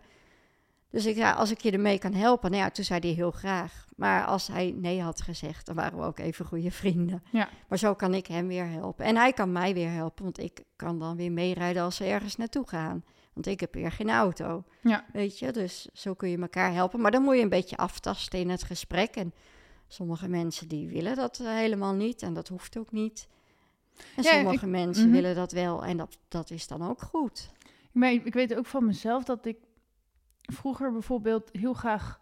Bijvoorbeeld, dan had ik vrienden die zaten heel erg in de put, bijvoorbeeld. Hè? Dus die, die ehm, gingen dan bijvoorbeeld niet naar werk, want het ging niet goed. En eh voelden zich depressief. En dan dacht ik wat van, ja, ze moeten gaan werken, ze moeten iets gaan doen. En ehm, als ze nou gewoon even dit doen, dan voelen ze zich vast wel goed. ja, En op een gegeven moment had ik dus zelf een coach en die zei van... Ja, maar Belinda, je kan wel allemaal dingen voor mensen willen. Alleen als jij dat gaat doen voor ze... ehm, als je te veel pusht, dan, dan eh, gaan ze zelf helemaal niks doen. nee. En dan stort het weer in. Dus misschien werkt het, meestal niet eens. Maar stel, het, het zou werken dat jij een initiatief voor ze neemt... dan alsnog ehm, heb jij het gedaan. En als je dan wegvalt, dan, stort, dan valt het allemaal weer bij elkaar. Dus mensen moeten echt zelf Ja, geholpen willen ja, worden ja, en het zelf doen. Ja, en toen, toen ben ik eigenlijk minder gaan doen. Toen dacht ik, oké, ik ga pas iets doen als mensen echt aangeven dat ze hierbij geholpen willen Ja. worden. Nou ja, open vragen stellen. Met een gesloten vraag, dan kunnen ze ja of nee antwoorden. En dan zeggen ze misschien ja, terwijl ze nee bedoelen. Mhm. Maar open vragen stellen en dan kijken, wil iemand echt geholpen worden? Dan kun je wat betekenen. Maar Mhm. willen ze dat niet? Nou ja, dat is hun eigen keuze. We zijn allemaal gelijkwaardig en we mogen, hebben allemaal de vrijheid om zelf keuzes te maken. Dus sommigen die, die willen ook niet geholpen worden. Maar als je iemand wel kan helpen en die heeft daar wel baat bij... Nou ja, dan is het alleen maar leuk natuurlijk. Dan heb je een win-win situatie. En over die wederkerigheid, daar gaan we nu heen. ja, Ehm, ik weet niet helemaal zeker, maar ik heb het idee dat jij ook christelijk bent opgevoed. ja klopt klopt. Ja. Eh, oh ja, dat zei je ook al met die kerkkoor en zo. Ehm, ergens staat er ook wel in de Bijbel van... eh heb mensen onvoorwaardelijk lief en zo... en dat je daar niet per se iets terug voor zou hoeven. Nee. Dus eh, hoe zit dat met die wederkerigheid volgens jou? Ja, nou ja, heb je naaste lief als jezelf. Dat Mhm. is sowieso belangrijk. Ook al is iemand heel anders. Misschien ken je uit de Bijbel wel het verhaal van de barmhartige Samaritaan.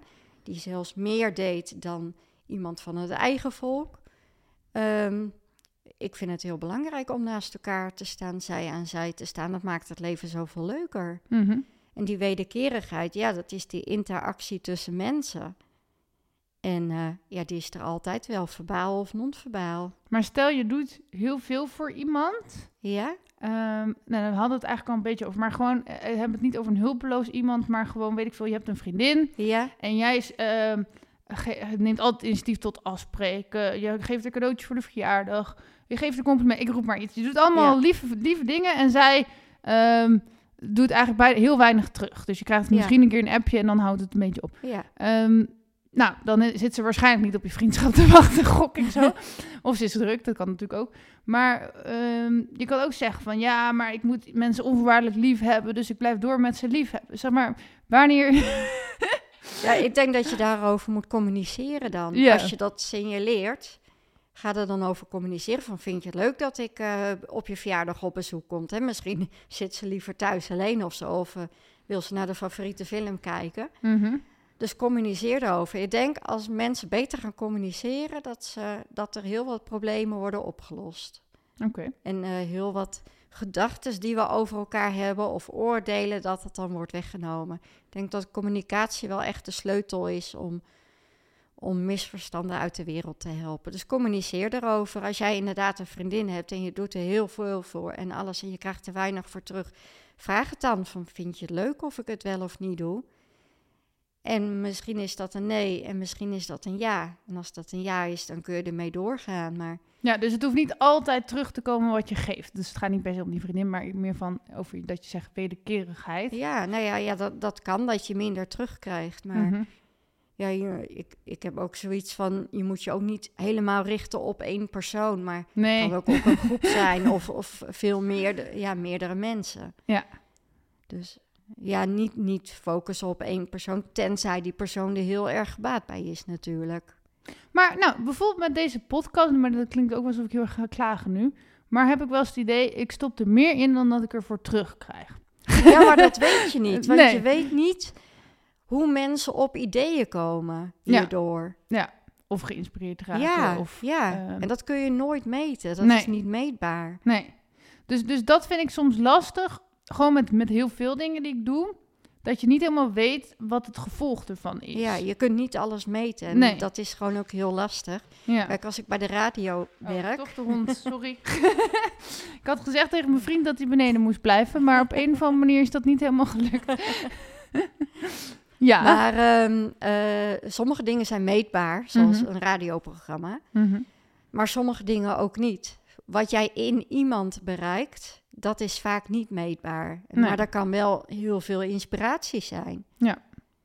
Maar wanneer moet je dan... Ik, ik heb niet per se over deze podcast, maar gewoon over...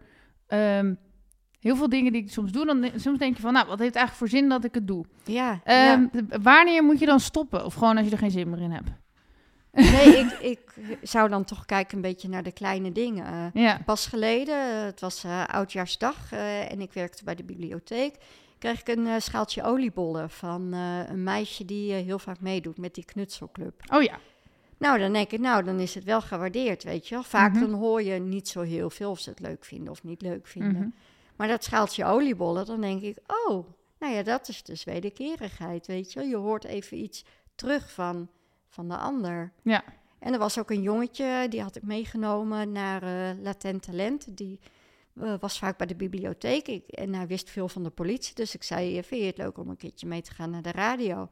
Nou, zijn ouders een briefje geschreven. Nou, vonden het allemaal leuk. Dus eh, hij is meegeweest met het programma Latent Talent. En later zei hij, nou, misschien wil ik toch wel misdaadverslaggever worden. Want hij wilde altijd bij de Oh ja. politie.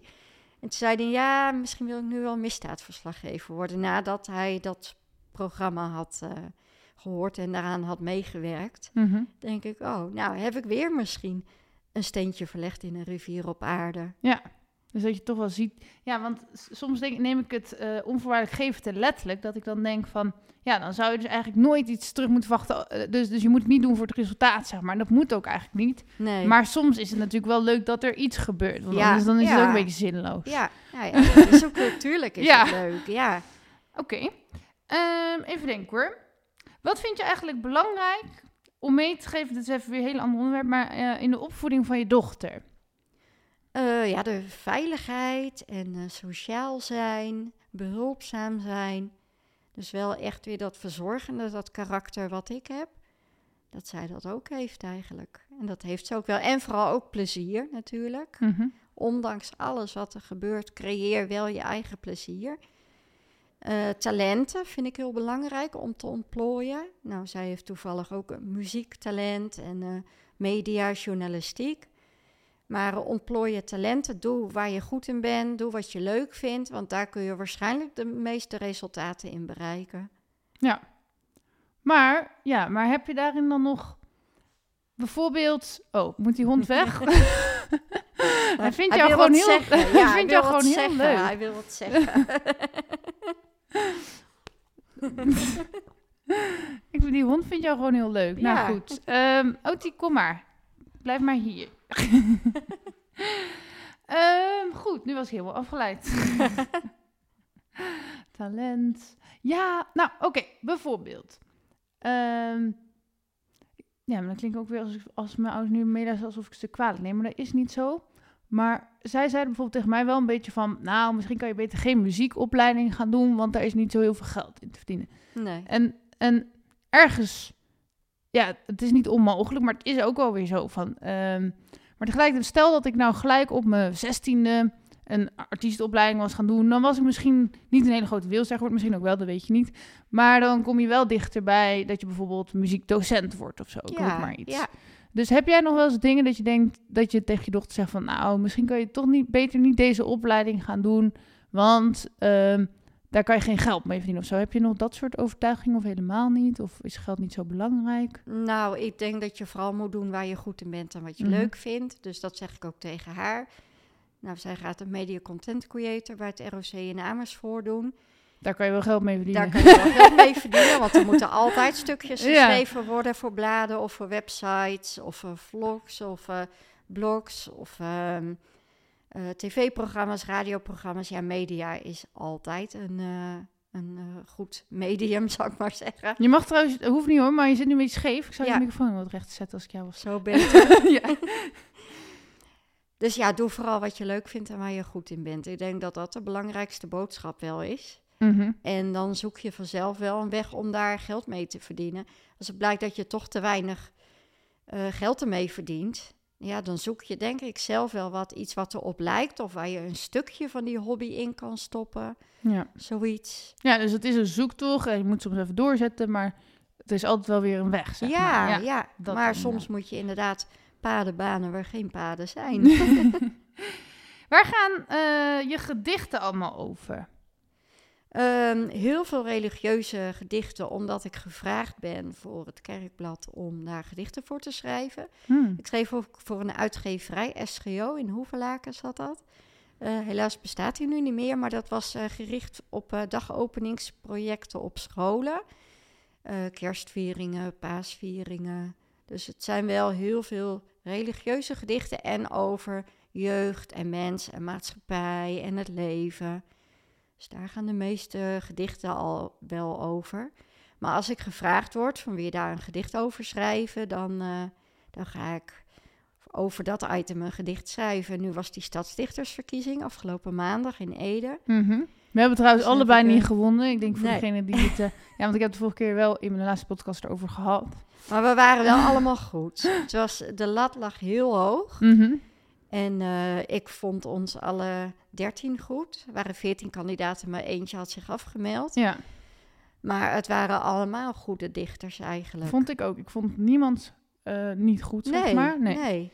Dus ik ik denk dat ze Mhm. ons allemaal wel kunnen vragen. Ja, gewoon meer de, de Stadsdichtersclub van Ede. Ja, nou ik heb ook voorgesteld bij de organisatie om bijvoorbeeld een poëzievoorstelling te organiseren met al deze mensen. Oh ja, Dat lijkt me wel een keertje leuk om te doen. maar dat was dan nu toch al een poëzievoorstelling. Dus wat, ja, wat- dat was het ook. Maar ja. nog meer van je eigen werk. Nu was het doel om eigenlijk wat gedichten over Ede te schrijven, omdat je toch die stadsdichter wil worden. Dus dan moet toch een beetje over Ede of de maatschappij. Dat is wel slecht, want ik heb helemaal geen enkel gedicht over Ede geschreven. Maar goed, ja. Maar ehm, eh, je zou ook eh, gedichten over de liefde kunnen voordragen. Ja. Ook een belangrijk thema, het meest bezongen thema ook in eh, popmuziek. Dat is toch ook leuk? Ja, maar ik denk wel als je... Zeg maar, nu was het leuk. Maar ik denk dat voor... Weet niet zeker hoor. Maar dat voor gedichtenavonden er net wat minder publiek is... als je dat zeg maar elke maand of elke week doet. Ja, nee, maar gewoon een keertje. Eh, Ja. Niet eh, iedere week of iedere maand. Nee. Maar gewoon een keertje in het jaar. Een soort eh, poëzievoorstelling of zo. Ja, dat is wel leuk. En dan afgewisseld met muziek, anders wordt het ook weer gauw saai dan eigenlijk. Dan kun je Ja, de- of je doet je gedicht op, op muziek voorlezen. ja, dat doe ik zelf ook heel vaak. Ja. En dan komt het toch anders over dan dat je alleen de stem van iemand hoort. ja, want toen ik dus die band zag... toen dacht ik ook dat ze dat eigenlijk zouden gaan doen. Ja, Dat ze intuïtief dan een muziekje op Ja. onze... ja. Maar dat deden ze niet. ik heb zelf een gedichtencursus gedaan. En Oh ja. eh, toen eh, heb ik het ook op cassettebandje, was toen nog, eh, opgenomen met muziek erbij. Leuk. En dat klonk gelijk een stuk beter. En het moest een dramatisch gedicht zijn. Dus ik had eh, een eh, dramatisch muziekje eronder. En dan, dan vulde dat echt aan, zeg maar. En heel vaak doe ik dat. Of met pianomuziek of zo op de achtergrond. Ja, ik maak ook wel eens hypnoses en meditaties. En die zijn soms ook weer gedichtachtig en soms ook weer helemaal niet. Oh ja. En daar doe ik dan ook wel muziek onder. Oh ja, en hoe doe je dat dan? Eh, Nou, dan heb ik eigenlijk een vriend die, die maakt van die muziekjes. Die heeft bijvoorbeeld ook die jingle gemaakt voor de podcast. Ja, oh, die is hartstikke leuk. En ehm, dus dan geef ik hem gewoon de opdracht, maak even, eh, nou ja, dus in dit geval is het vaak een meditatief muziekje dan, zeg ja, maar. ja. En dan hoor ik al het muziekje en dan hoor ik eigenlijk ook tegelijkertijd een tekst daarop. Oh ja. En oh, dan ja. ehm, is hij dus meestal, weet ik veel, een uurtje zo'n muziekje aan maken. En dan na dat uurtje heb ik mijn tekst wel af. ja? En dan kan ik daarna gelijk inspreken op de muziek. Oh, wat leuk. Ja, ik doe dat nog niet Oh, heel veel hoor, maar wel af en toe. Dat Ja. vind ik wel heel creatief en inspirerend. oh, dat is leuk. Ja, ik heb het ook wel eens in opdracht gedaan. Ehm, dus dat vrienden een bedrijf hadden en dan een bepaalde tekst graag aan mensen lieten horen. En die heb ik dan helemaal opgenomen naar hoe zij dat wilden. Oh, leuk. Ja. En wat waren de reacties daar dan op? Ehm, nou, maar het bedrijf was niet heel groot om eerlijk te zijn. Dus. Oh nee. Maar, maar zij zelf zaten wel van, wow, dit was precies wat we bedoelden oh, en leuk. hoe we het vroegen. Superleuk. Ja, of ik heb ook wel eens een gedicht geschreven voor ehm, eh, iemand, haar oma was overleden en zij wilde eigenlijk heel graag een gedicht voordragen. Ja? Maar ze kon zelf eigenlijk ja, niet zo goed dicht of kwam er in ieder geval niet uit. Nee, En toen had ik dus wel, dus die hele oma heb ik nooit gekend. nee, nee. Maar dan heb ik gewoon via de mail, ik heb haar niet eens in het echt gezien. En we hebben een heel weekend Best lang... wel knap om dat zo te doen. Ja, hebben we een heel weekend lang gemaild. Eh, dus ik ging gewoon vragen van wie was je oma voor jou? Wat, wat zou je eigenlijk in die tekst ongeveer willen zeggen? Ja, En dan ben ik gewoon begonnen en dan ging zij weer feedback geven van... nou, dit vind ik te veel rijm of zo. Of Ja. ik zou iets meer die kant belichten. ja. En zo hadden we na een heel weekend een tekst voor haar oma, zeg maar. Oh, wat leuk. Ja, en toen moesten wel echt alle mensen op die begrafenis huilen. Ja. Dan heb je wel je doel bereikt, Ja. inderdaad. Ja. Als het raakt, hè? Ja, Ja, dat doe ik inderdaad ook wel. eh, gedichten bij begrafenissen of bij trouwerijen. Ja, zulke memorale, memorabele momenten. Ja. Ja. of eh, wat had ik nog meer? Maar Eh, als, als je iemand ergens mee kan raken, dan, dan is het wel goed. Ja, maar vooral ook als je ze helemaal niet kent. Dat vind ik eigenlijk best grappig. Ja, nou, des te knapper is het. Ja. Want dan moet je je zo inleven in hoe iemand zou kunnen zijn. Ja, Ja. Eh, dat vind ik wel heel knap, ja. Dank je. ik zit nog even na te denken. Wat had ik nou nog meer voor de gedichten? Ik weet het niet meer. Maar ik vind dat echt leuk om te doen in ieder geval. Ehm, oh ja, nee, ik heb ook wel eens radio jingles gemaakt. Dat Oh, vind ik ook echt leuk. Dus had ik een heel jingle pakket. En dat was, dat, dat was niet een hele bekend radiostation. Ehm, maar dan hadden we dus gewoon een soort ehm, ja, jingle gemaakt van eh, dat het dus een vrolijk radiostation was. Maar ook een paar teksten die dan een beetje dubbelzinnig waren. En dat dan heel grappig was om te horen. Oh, wat leuk. Ja, Miss Montreal is ook zo begonnen. Hè? Die is met een kaasreclame begonnen, dus die begon ook klein. Mhm. En eh, ja, die heeft dat talent zo steeds meer ontplooid eigenlijk. Maar je moet eigenlijk altijd klein beginnen. ja. Het is net, je stopt een zaadje in de grond en er komt een hele plant uit of een hele boom. Ja, je moet altijd klein beginnen eigenlijk. En dan groeit het uit, als je tenminste de kans geeft, ja. tot iets moois. Dat zul jij ook wel eh, ja maar soms groeit het ook doet. helemaal, soms groeit het ook helemaal nergens heen hoor. Nee, of misschien iets wat je nu nog niet ziet, maar wat het later wordt. Dat kan natuurlijk ook. Ja, want ik heb bijvoorbeeld wel met die liedjes, maar nu gaat het wel weer heel veel over mezelf, maar eh, dat ik... Nou ja, dat mag ook, is Eh, jouw podcast. Eh, dat ik, ik vind dat mijn liedjes niet heel erg op elkaar aansluiten. Het is niet één verhaal. Zo. Nee, nee. Terwijl ergens voelt het wel... Zijn allemaal een beetje musical-achtig, een beetje cabaret-achtig, maar het is nog niet één geheel. Ik weet ook niet of dat het ooit wordt. Maar misschien hoort het wel bij jou als je heel veelzijdig bent. Ja, Net als ik al die verschillende dingen doe. Misschien hoort dat ook wel bij jou. Dan laat het jouw veelzijdigheid zien. ja, maar ik heb er dus laatst wel iets van een voorstelling van gemaakt. In de toren werd ik gevraagd om een kindervoorstelling te maken. Oh, dat heb ik gelezen, ja. En toen ehm, eh, ja, heb ik dus mijn liedjes gebruikt voor een soort... Dus de, we hadden bedacht dat er een torentovenaar was. Die heb Ja? ik gevraagd. En die torentovenaar die eh, ging dan spreuken doen, die allemaal mislukten. Ja? En dat, dat deed hij dan om indruk te maken op mij, zeg maar. Want ik, hij was zogenaamd verliefd op mij. En dan al die spreuken gingen mis. Oh ja. En dan op een gegeven moment had hij zichzelf in een kikker veranderd. Ehm, en dan eh, moesten die kinderen zorgen dat hij weer geen kikker was, zeg maar. En toen had hij zichzelf per ongeluk doof getoverd. En toen moesten die kinderen zorgen dat hij weer kon horen. En dan uiteindelijk was de boodschap... je hoeft helemaal niet te toveren voor de liefde. Gewoon als je zelf ben je al leuk genoeg, zeg maar. Oh, wat leuk. Wat een goed thema. Ja, En daar had jij dus gedichten bij gemaakt. nee, dus daar had ik mijn liedjes tussendoor. ja. Dus toen was het ook een soort musical. Oh, wat leuk. En dat hadden we in de toren gedaan.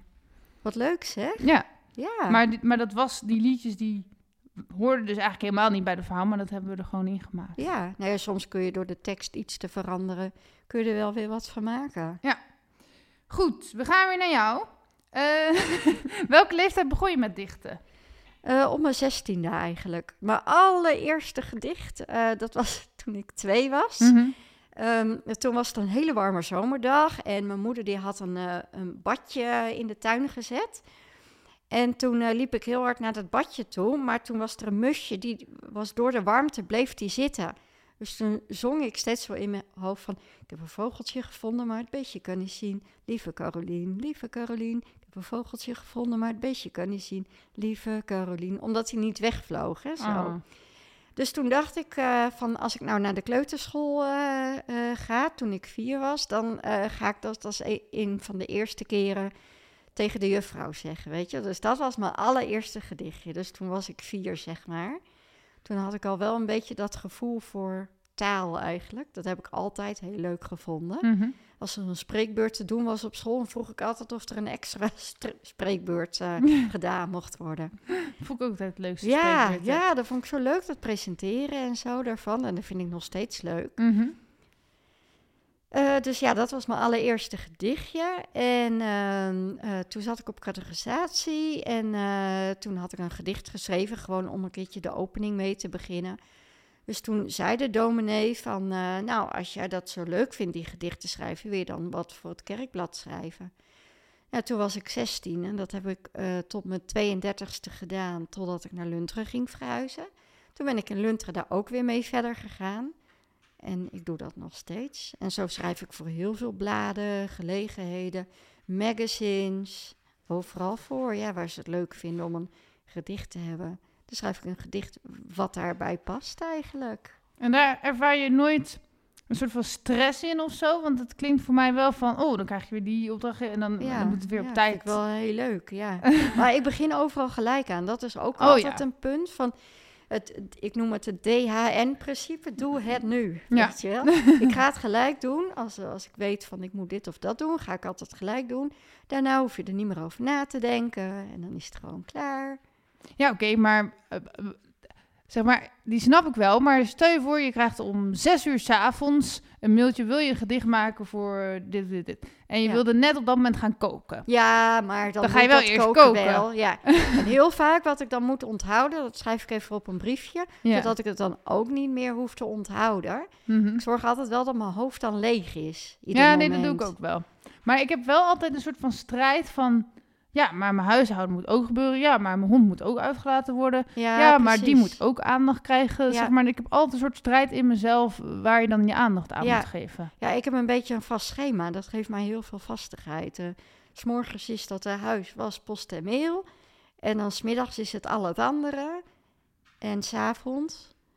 En ik heb een, een, een vaste planning dan bij alle werkzaamheden wat ik doe.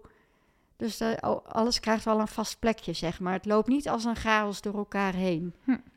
Nou, Dat misschien wel. moet ik eh, dat eens gaan toepassen. ja, nou, het, het helpt mij in ieder geval wel. Ik heb het ook ergens gelezen. Het DHN-principe noem ik het. En ehm, doe het nu. Nou, doe ik wel sowieso als er bijvoorbeeld een rekening binnenkomt. Oh ja, dan doe ik altijd wel. meteen. Want ik denk Ja. van, anders vergeet je het. Ja, en precies. rekeningen wil je niet vergeten. Nee, precies. Ja, nee, dat is ook zo. Nee, weet je, dan leg ik het weer op een stapeltje voor als ik dan net alle post weggewerkt heb. Mhm. Dan leg ik het weer op het stapeltje voor eh, morgen dan. Maar dan hoef ik er dat moment eventjes niet over na te denken. Dus ik doe alles heel gestructureerd. Hm. Effectief en efficiënt noem ik dat. Hm. Ehm, ben je altijd al zo gestructureerd geweest? Of is Ja, dat... Altijd, ja. Ja. Ik ben van mezelf eigenlijk juist vooral dus van mezelf. Hè, dat ik gewoon doe waar ik zin in heb. Alleen dan, als je daar helemaal geen structuur in hebt, dan komt het nooit af, zeg maar. Of tenminste, dan komt er één ding af, maar de rest niet. Ja, nee, ik kan me wel iets bij voorstellen. Ja. Dus ik heb mezelf structuur aangeleerd, maar, ja. maar dat voelt Helpt dat dan? Helpt dat dan? een beetje. Maar het voelt ook weer als mezelf beperken of zo. Ja, Omdat het gewoon, ik wil duizend meer dingen dan dat eigenlijk in de realiteit kan. ja, precies. een dag heeft maar 24 uur. Ja. Maar ja, aan de andere kant, ik weet niet hoe oud ik word, maar als ik zeg maar gewoon eh, ergens in de 90 word of zo, dan heb je natuurlijk nog alle tijd. ja, precies. Maar ja, dat weet je niet. Dat is juist de moeilijkheid. Hè? hey, eh, waar geloof jij in? Want je bent wel christelijk opgevoed. Ja, zeker. Ja, nee, daar ben ik nog steeds. Wel, Ja. als een, eh, een, er is een God die voor ons als mensen zorgt, zeg maar. En de mensen zijn dus allemaal gelijkwaardig. En ja, ik ben, ik ben gewoon gelovig. eh, ja, er is een God, is mijn overtuiging. En dat heb ik nog steeds en bij alles wat ik doe eigenlijk. Ik weet niet of je het programma Hour of Power kent. Mhm. Eh, dat volg ik ook altijd. Ik heb eh, die dominee al een paar keer mogen interviewen voor de krant. Dat was ook een van de nou ja, wensen die ik had toen ik wist dat hij naar Nederland kwam. Heb ik ook aan de eindredacteur gevraagd van, mag ik hem interviewen? Nou, dat was goed. En dan mag ik het altijd elke keer doen. Dus dat is wel heel leuk. Ehm, en eh, daar haal ik ook wel heel veel praktische tips uit. eh. de oude dominee Schuler, eh, die had heel veel psychologie in zijn preken ook zitten. Een kruising tussen psychologie en, en het christendom. Mhm. En hij heeft heel veel boeken geschreven. Ik heb alle boeken daarvan. En dat is wel een soort wegwijzer voor het leven. Net als de Bijbel zelf. Er staan eigenlijk ook wel heel veel oplossingen in voor alledaagse problemen, vind ik. Hm. Nu met die oorlog in Israël ook. Dan denk ik, nou ga terug en kijk wat er in de Bijbel staat. En misschien kun je dan in het gesprek met elkaar veel meer bereiken dan dat nu al die wapens daar naartoe gezonden worden. Dat vind ik eigenlijk niet zo heel goed, want zo houd je een oorlog in stand. Ja. Ja, dus ik, ik denk dat daar heel veel oplossingen in staan. Dat het een soort wegwijzer voor het leven is. Oké, maar ja, eh, jij bent gewoon toevallig zo opgevoed, maar je had net zo goed als moslim opgevoed kunnen worden. Zeg Had maar. ook gekund, maar dan had ik ook een overtuiging gehad. Dat klopt. Dus, maar ik vroeg me dan af, hoe weet je dan dat jouw waarheid de waarheid Ja, is? dat weet je dus nooit helemaal zeker. Maar dan heb ik me tenminste wel in het leven prettiger en gesteund gevoeld. En dat je je steeds op een bron richt, zeg maar. Ehm, ja, Ja. dat geeft mij rust in het leven. Maar is die bron dan de Bijbel of is dat dan Ja, God? God. Ja, Ja. En Maar- de Bijbel Mhm. is een soort handleiding voor het leven. Zo zie ik dat hoor. ja, ik snap het.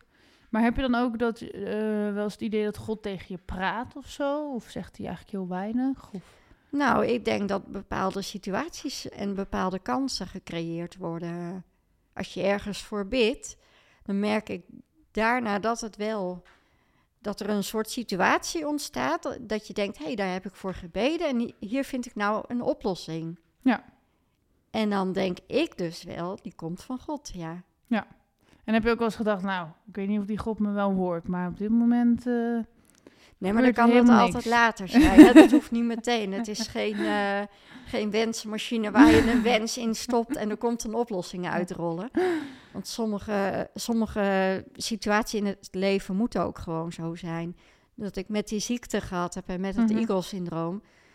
Dat zorgt er wel voor ehm, dat ik nu de dingen kan doen zoals ik ze nu doe. Dat ik eh, eh, meer informatie heb kunnen verschaffen voor mensen die na mij komen. Dus misschien moet het wel zo zijn. Misschien was ik die persoon op de wereld die het voortouw daarin moest nemen. Oké, en dan maar- is het niet Mhm. leuk voor mezelf dat ik zelf Nee. die klachten heb. Ja, Maar dan kan het nog wel een doel zijn wat, eh, wat ik in het leven moest vervullen. Maar als ik dan bijvoorbeeld eh, kinderen in oorlog zie die helemaal beschoten zijn en weet ik veel wat. Ja, dat is echt verschrikkelijk. Maar dat doen mensen elkaar aan. Dat doet God ons niet aan. Maar Nee, dat doen maar de mensen elkaar aan. Dat is echt verschrikkelijk. Maar als God enige macht heeft, dan, dan kan je dat toch niet aanzien? Nee, nee, maar dat, dat staat er ook. Van eh, God geeft de vrede hè, aan de mensen. ja. En daar kun je ook voor bidden. Het, het Latijns vind ik altijd heel mooi. Dona nobis pacem. Ik altijd een hele mooie spreuk. Geef ons vrede, Heer, betekent dat. Mhm. Ehm, eh, God geeft het wel, maar de mensen onderling maken het zo moeilijk voor elkaar. Dat Ja. is het. Mhm. Als ze nou samen zouden praten en tot een akkoord komen, zou het ook weer opgelost worden. Ja. Maar misschien is het te makkelijk gedacht van mezelf. maar ik denk wel dat in communicatie dan de oplossing zit. Maar er zit er altijd een oplossing. Soms heb je toch gewoon, weet ik veel, tien verschillende meningen en kom je er niet uit. Nou Ja. ja, dat kan. Ja, Dat kan, maar dan is er geen oplossing. Nee. Niet overal is een oplossing voor, of weten wij een oplossing voor. Misschien is die er wel, maar dan weten wij dat als mensen niet. Hè? nee. Wij zijn ook maar beperkt in ons denken. Oké. En hoe komt het dan dat wij mensen dan die vrede van God... Ja, eigenlijk gewoon telkens weer verliezen? Ja, omdat wij niet volmaakt zijn. ja. Ja, dat staat in 1 Corinthiërs 13. Dat was heel leuk. Bij de trouwerij van een vriendin mocht ik een bijbeltekst uitzoeken. En Mhm. had ik 1 Corinthiërs 13 en dat gaat dan over geloof, hoop en liefde. Maar ook dat de mens niet volmaakt is. Hè. Het is maar, wij zien maar een klein stukje alsof er een sluier voor ons hangt. Wij kunnen niet alles eh, eh, zien of alles bereiken. Wij zijn maar een heel klein stukje van het geheel. Ja. Een deel van het geheel. Dus ja, we zijn gewoon niet, niet perfect, maar we proberen het wel zo perfect mogelijk te doen. Ja. Tenminste, soms wel, soms niet. Zou je perfect willen zijn? Nou, ik ben wel aardig perfectionistisch. Oh, ik dacht ik zou zeggen, dat ik ben wel aardig perfect. Nee. nee, dat is niemand. Maar ehm, eh, ik probeer wel perfectionistisch te zijn. Ja, maar dat vraagt heel veel. Ja, je, je kan niet in alles perfect Nee, zijn. nee. Dat lukt gewoon niet. Nee. Moet je ook niet na proberen te streven, want dat eh, vergt heel veel energie. Nou ja, aan de ene kant, daar zat ik vandaag dus een beetje mee. Want ik zat dus tegen jou van, oh, ik wil mijn huis helemaal anders. Ja, ja. en zat- je hebt het zo leuk binnen. Dank je. Maar ik zat van, ja, ik heb nog... Ja, ik weet niet, ik heb nog perfectere plaatje in mijn hoofd dan dat het is. ja, Maar als je dat echt wil realiseren, moet je gewoon Ja. miljonair worden, zeg maar. ja, ja. En dan alsnog zie je het maar te realiseren. Ehm, ja, dus wat... maar er moet toch altijd iets te dromen blijven of te wensen. Ja, dat klopt. Dus, maar Ja. daar vind ik nog wel... Het is ook frustrerend dat het niet zo perfect kan als in je hoofd soms. Ja, maar het is ook weer inspiratievol. Ja. Ja, nou ja, dat kost ook gewoon geld. Ja. Goed, ehm, we hebben nog ongeveer één minuut. Eh, dus eigenlijk moeten we afronden. Ik was nog wel benieuwd of je bang was voor de dood of dat je gelooft wat er in leven na de dood, dat zeg maar. Ja, Dus- nee, ben ik niet bang voor. Ik heb een keer een situatie na een operatie eh, doorgemaakt. Hm. Toen kwam ik niet meer bij. Eh, bleef ik in die narcose, omdat mijn lichaam niet de narcosestoffen goed verwerkte. Toen heb ik, eh, ja, 18 uren heb ik op de recovery gelegen. En toen zag ik een, een, mijn hoofd was in een soort lichtkrans en ik keek neer op mijn eigen lichaam. En ik zag die dokters, terwijl ik ze in het echt nooit had gezien. En ik kon ze precies beschrijven. Ik heb toen alles opgeschreven en naar de anesthesist gestuurd. En die zei, het is precies zo gegaan zoals u het gezien heeft. Nou, toen dacht ik, dat is een bijna doodervaring. Zo is die ook gerapporteerd in mijn rapport toen. Ehm, en ja, vanaf toen weet ik dat je niet bang hoeft te zijn. Want- het was zo Mhm. vredig. Mijn lichaam die was... eh, die had We gaan nu wel stiekem langer dan anderhalf uur door, want dit is Oh, heel ja. interessant. Ja?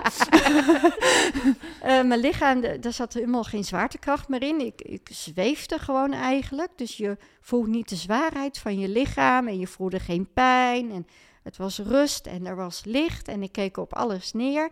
En ik was niet bang, terwijl die artsen en die verpleegkundigen, nou, die dienden me allemaal pijnprikkels toe van ze moet nu echt wakker worden. Want dit gaat niet goed komen, want ze hadden eerder een patiënt gehad die er zo bij lag en die was dus overleden. En ik dacht bij mezelf, nou maak je niet zo druk. Ik maak me helemaal niet eh, angstig of zo. Ik kon alles horen wat ze zeiden. En ze zeiden ook dan van, nou mevrouw Van Hun, ik ga nu pijnprikkels toedienen. Maar ik voelde gewoon helemaal niks. En hoe, Maar- kwa- hoe kwam je in dat ziekenhuis? Wat had je meegemaakt? Nou, ik had eh, dus die botziekte en dat zat ook in mijn elleboog. Dat is ook eh, weggehaald, dat extra bot dan.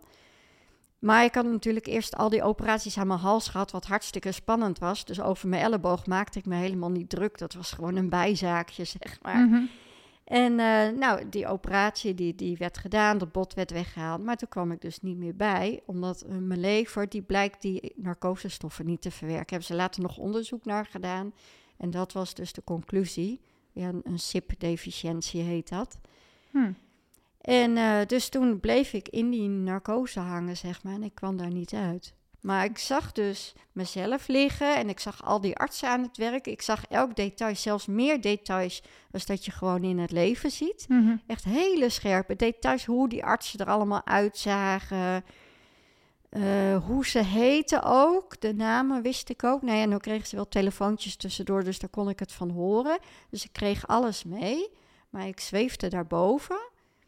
En ehm, eh, zij maakte zich heel bezorgd om mij. Maar ik was helemaal zelf niet, niet bezorgd. Ik had geen pijn, ik had geen zwaartekrachtgevoel, zeg maar. En toen later kwam ik wel weer bij en toen voelde ik opeens die pijn en die zwaartekracht weer terugkomen. En toen denk ik, oh ja, dit is het leven, weer met die pijn. En dat je de zwaarte van je lichaam voelt. Ja.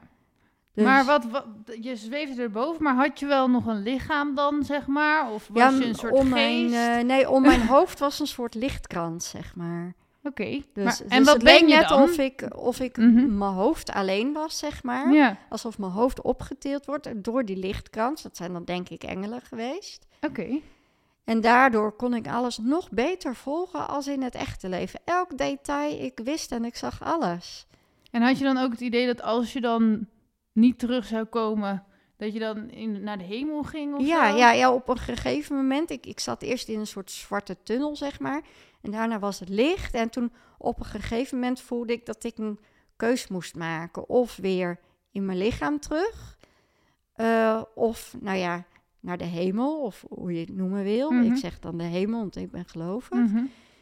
En ehm, eh, toen dacht ik, nou ja, weet je, het leven, weet je wel. Want ik wil niet al die mensen verdriet doen, eh, weet je wel. Die dokters, daar vind ik het erg voor. Mijn familie, eh, mijn gezin, weet je wel. Ik wil graag bij hun zijn.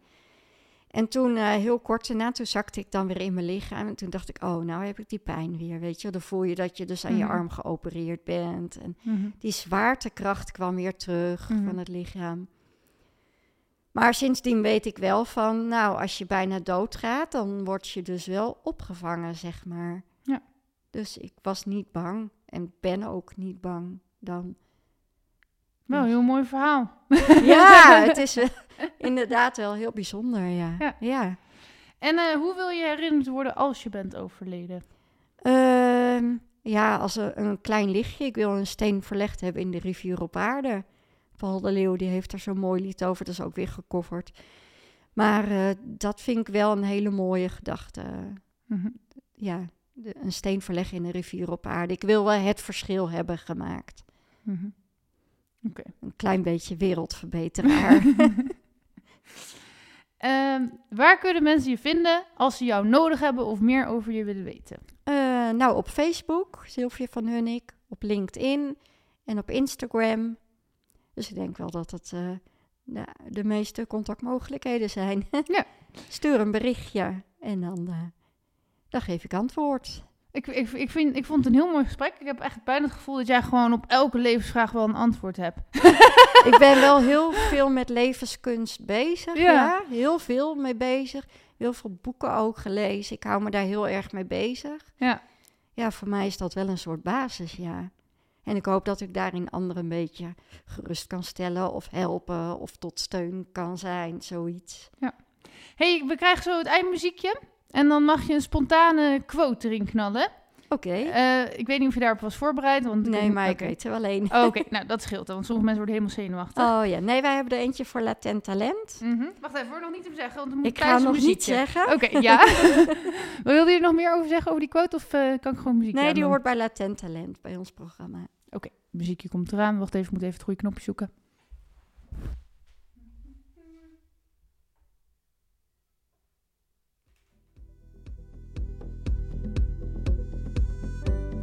If you can dream it, you can do it.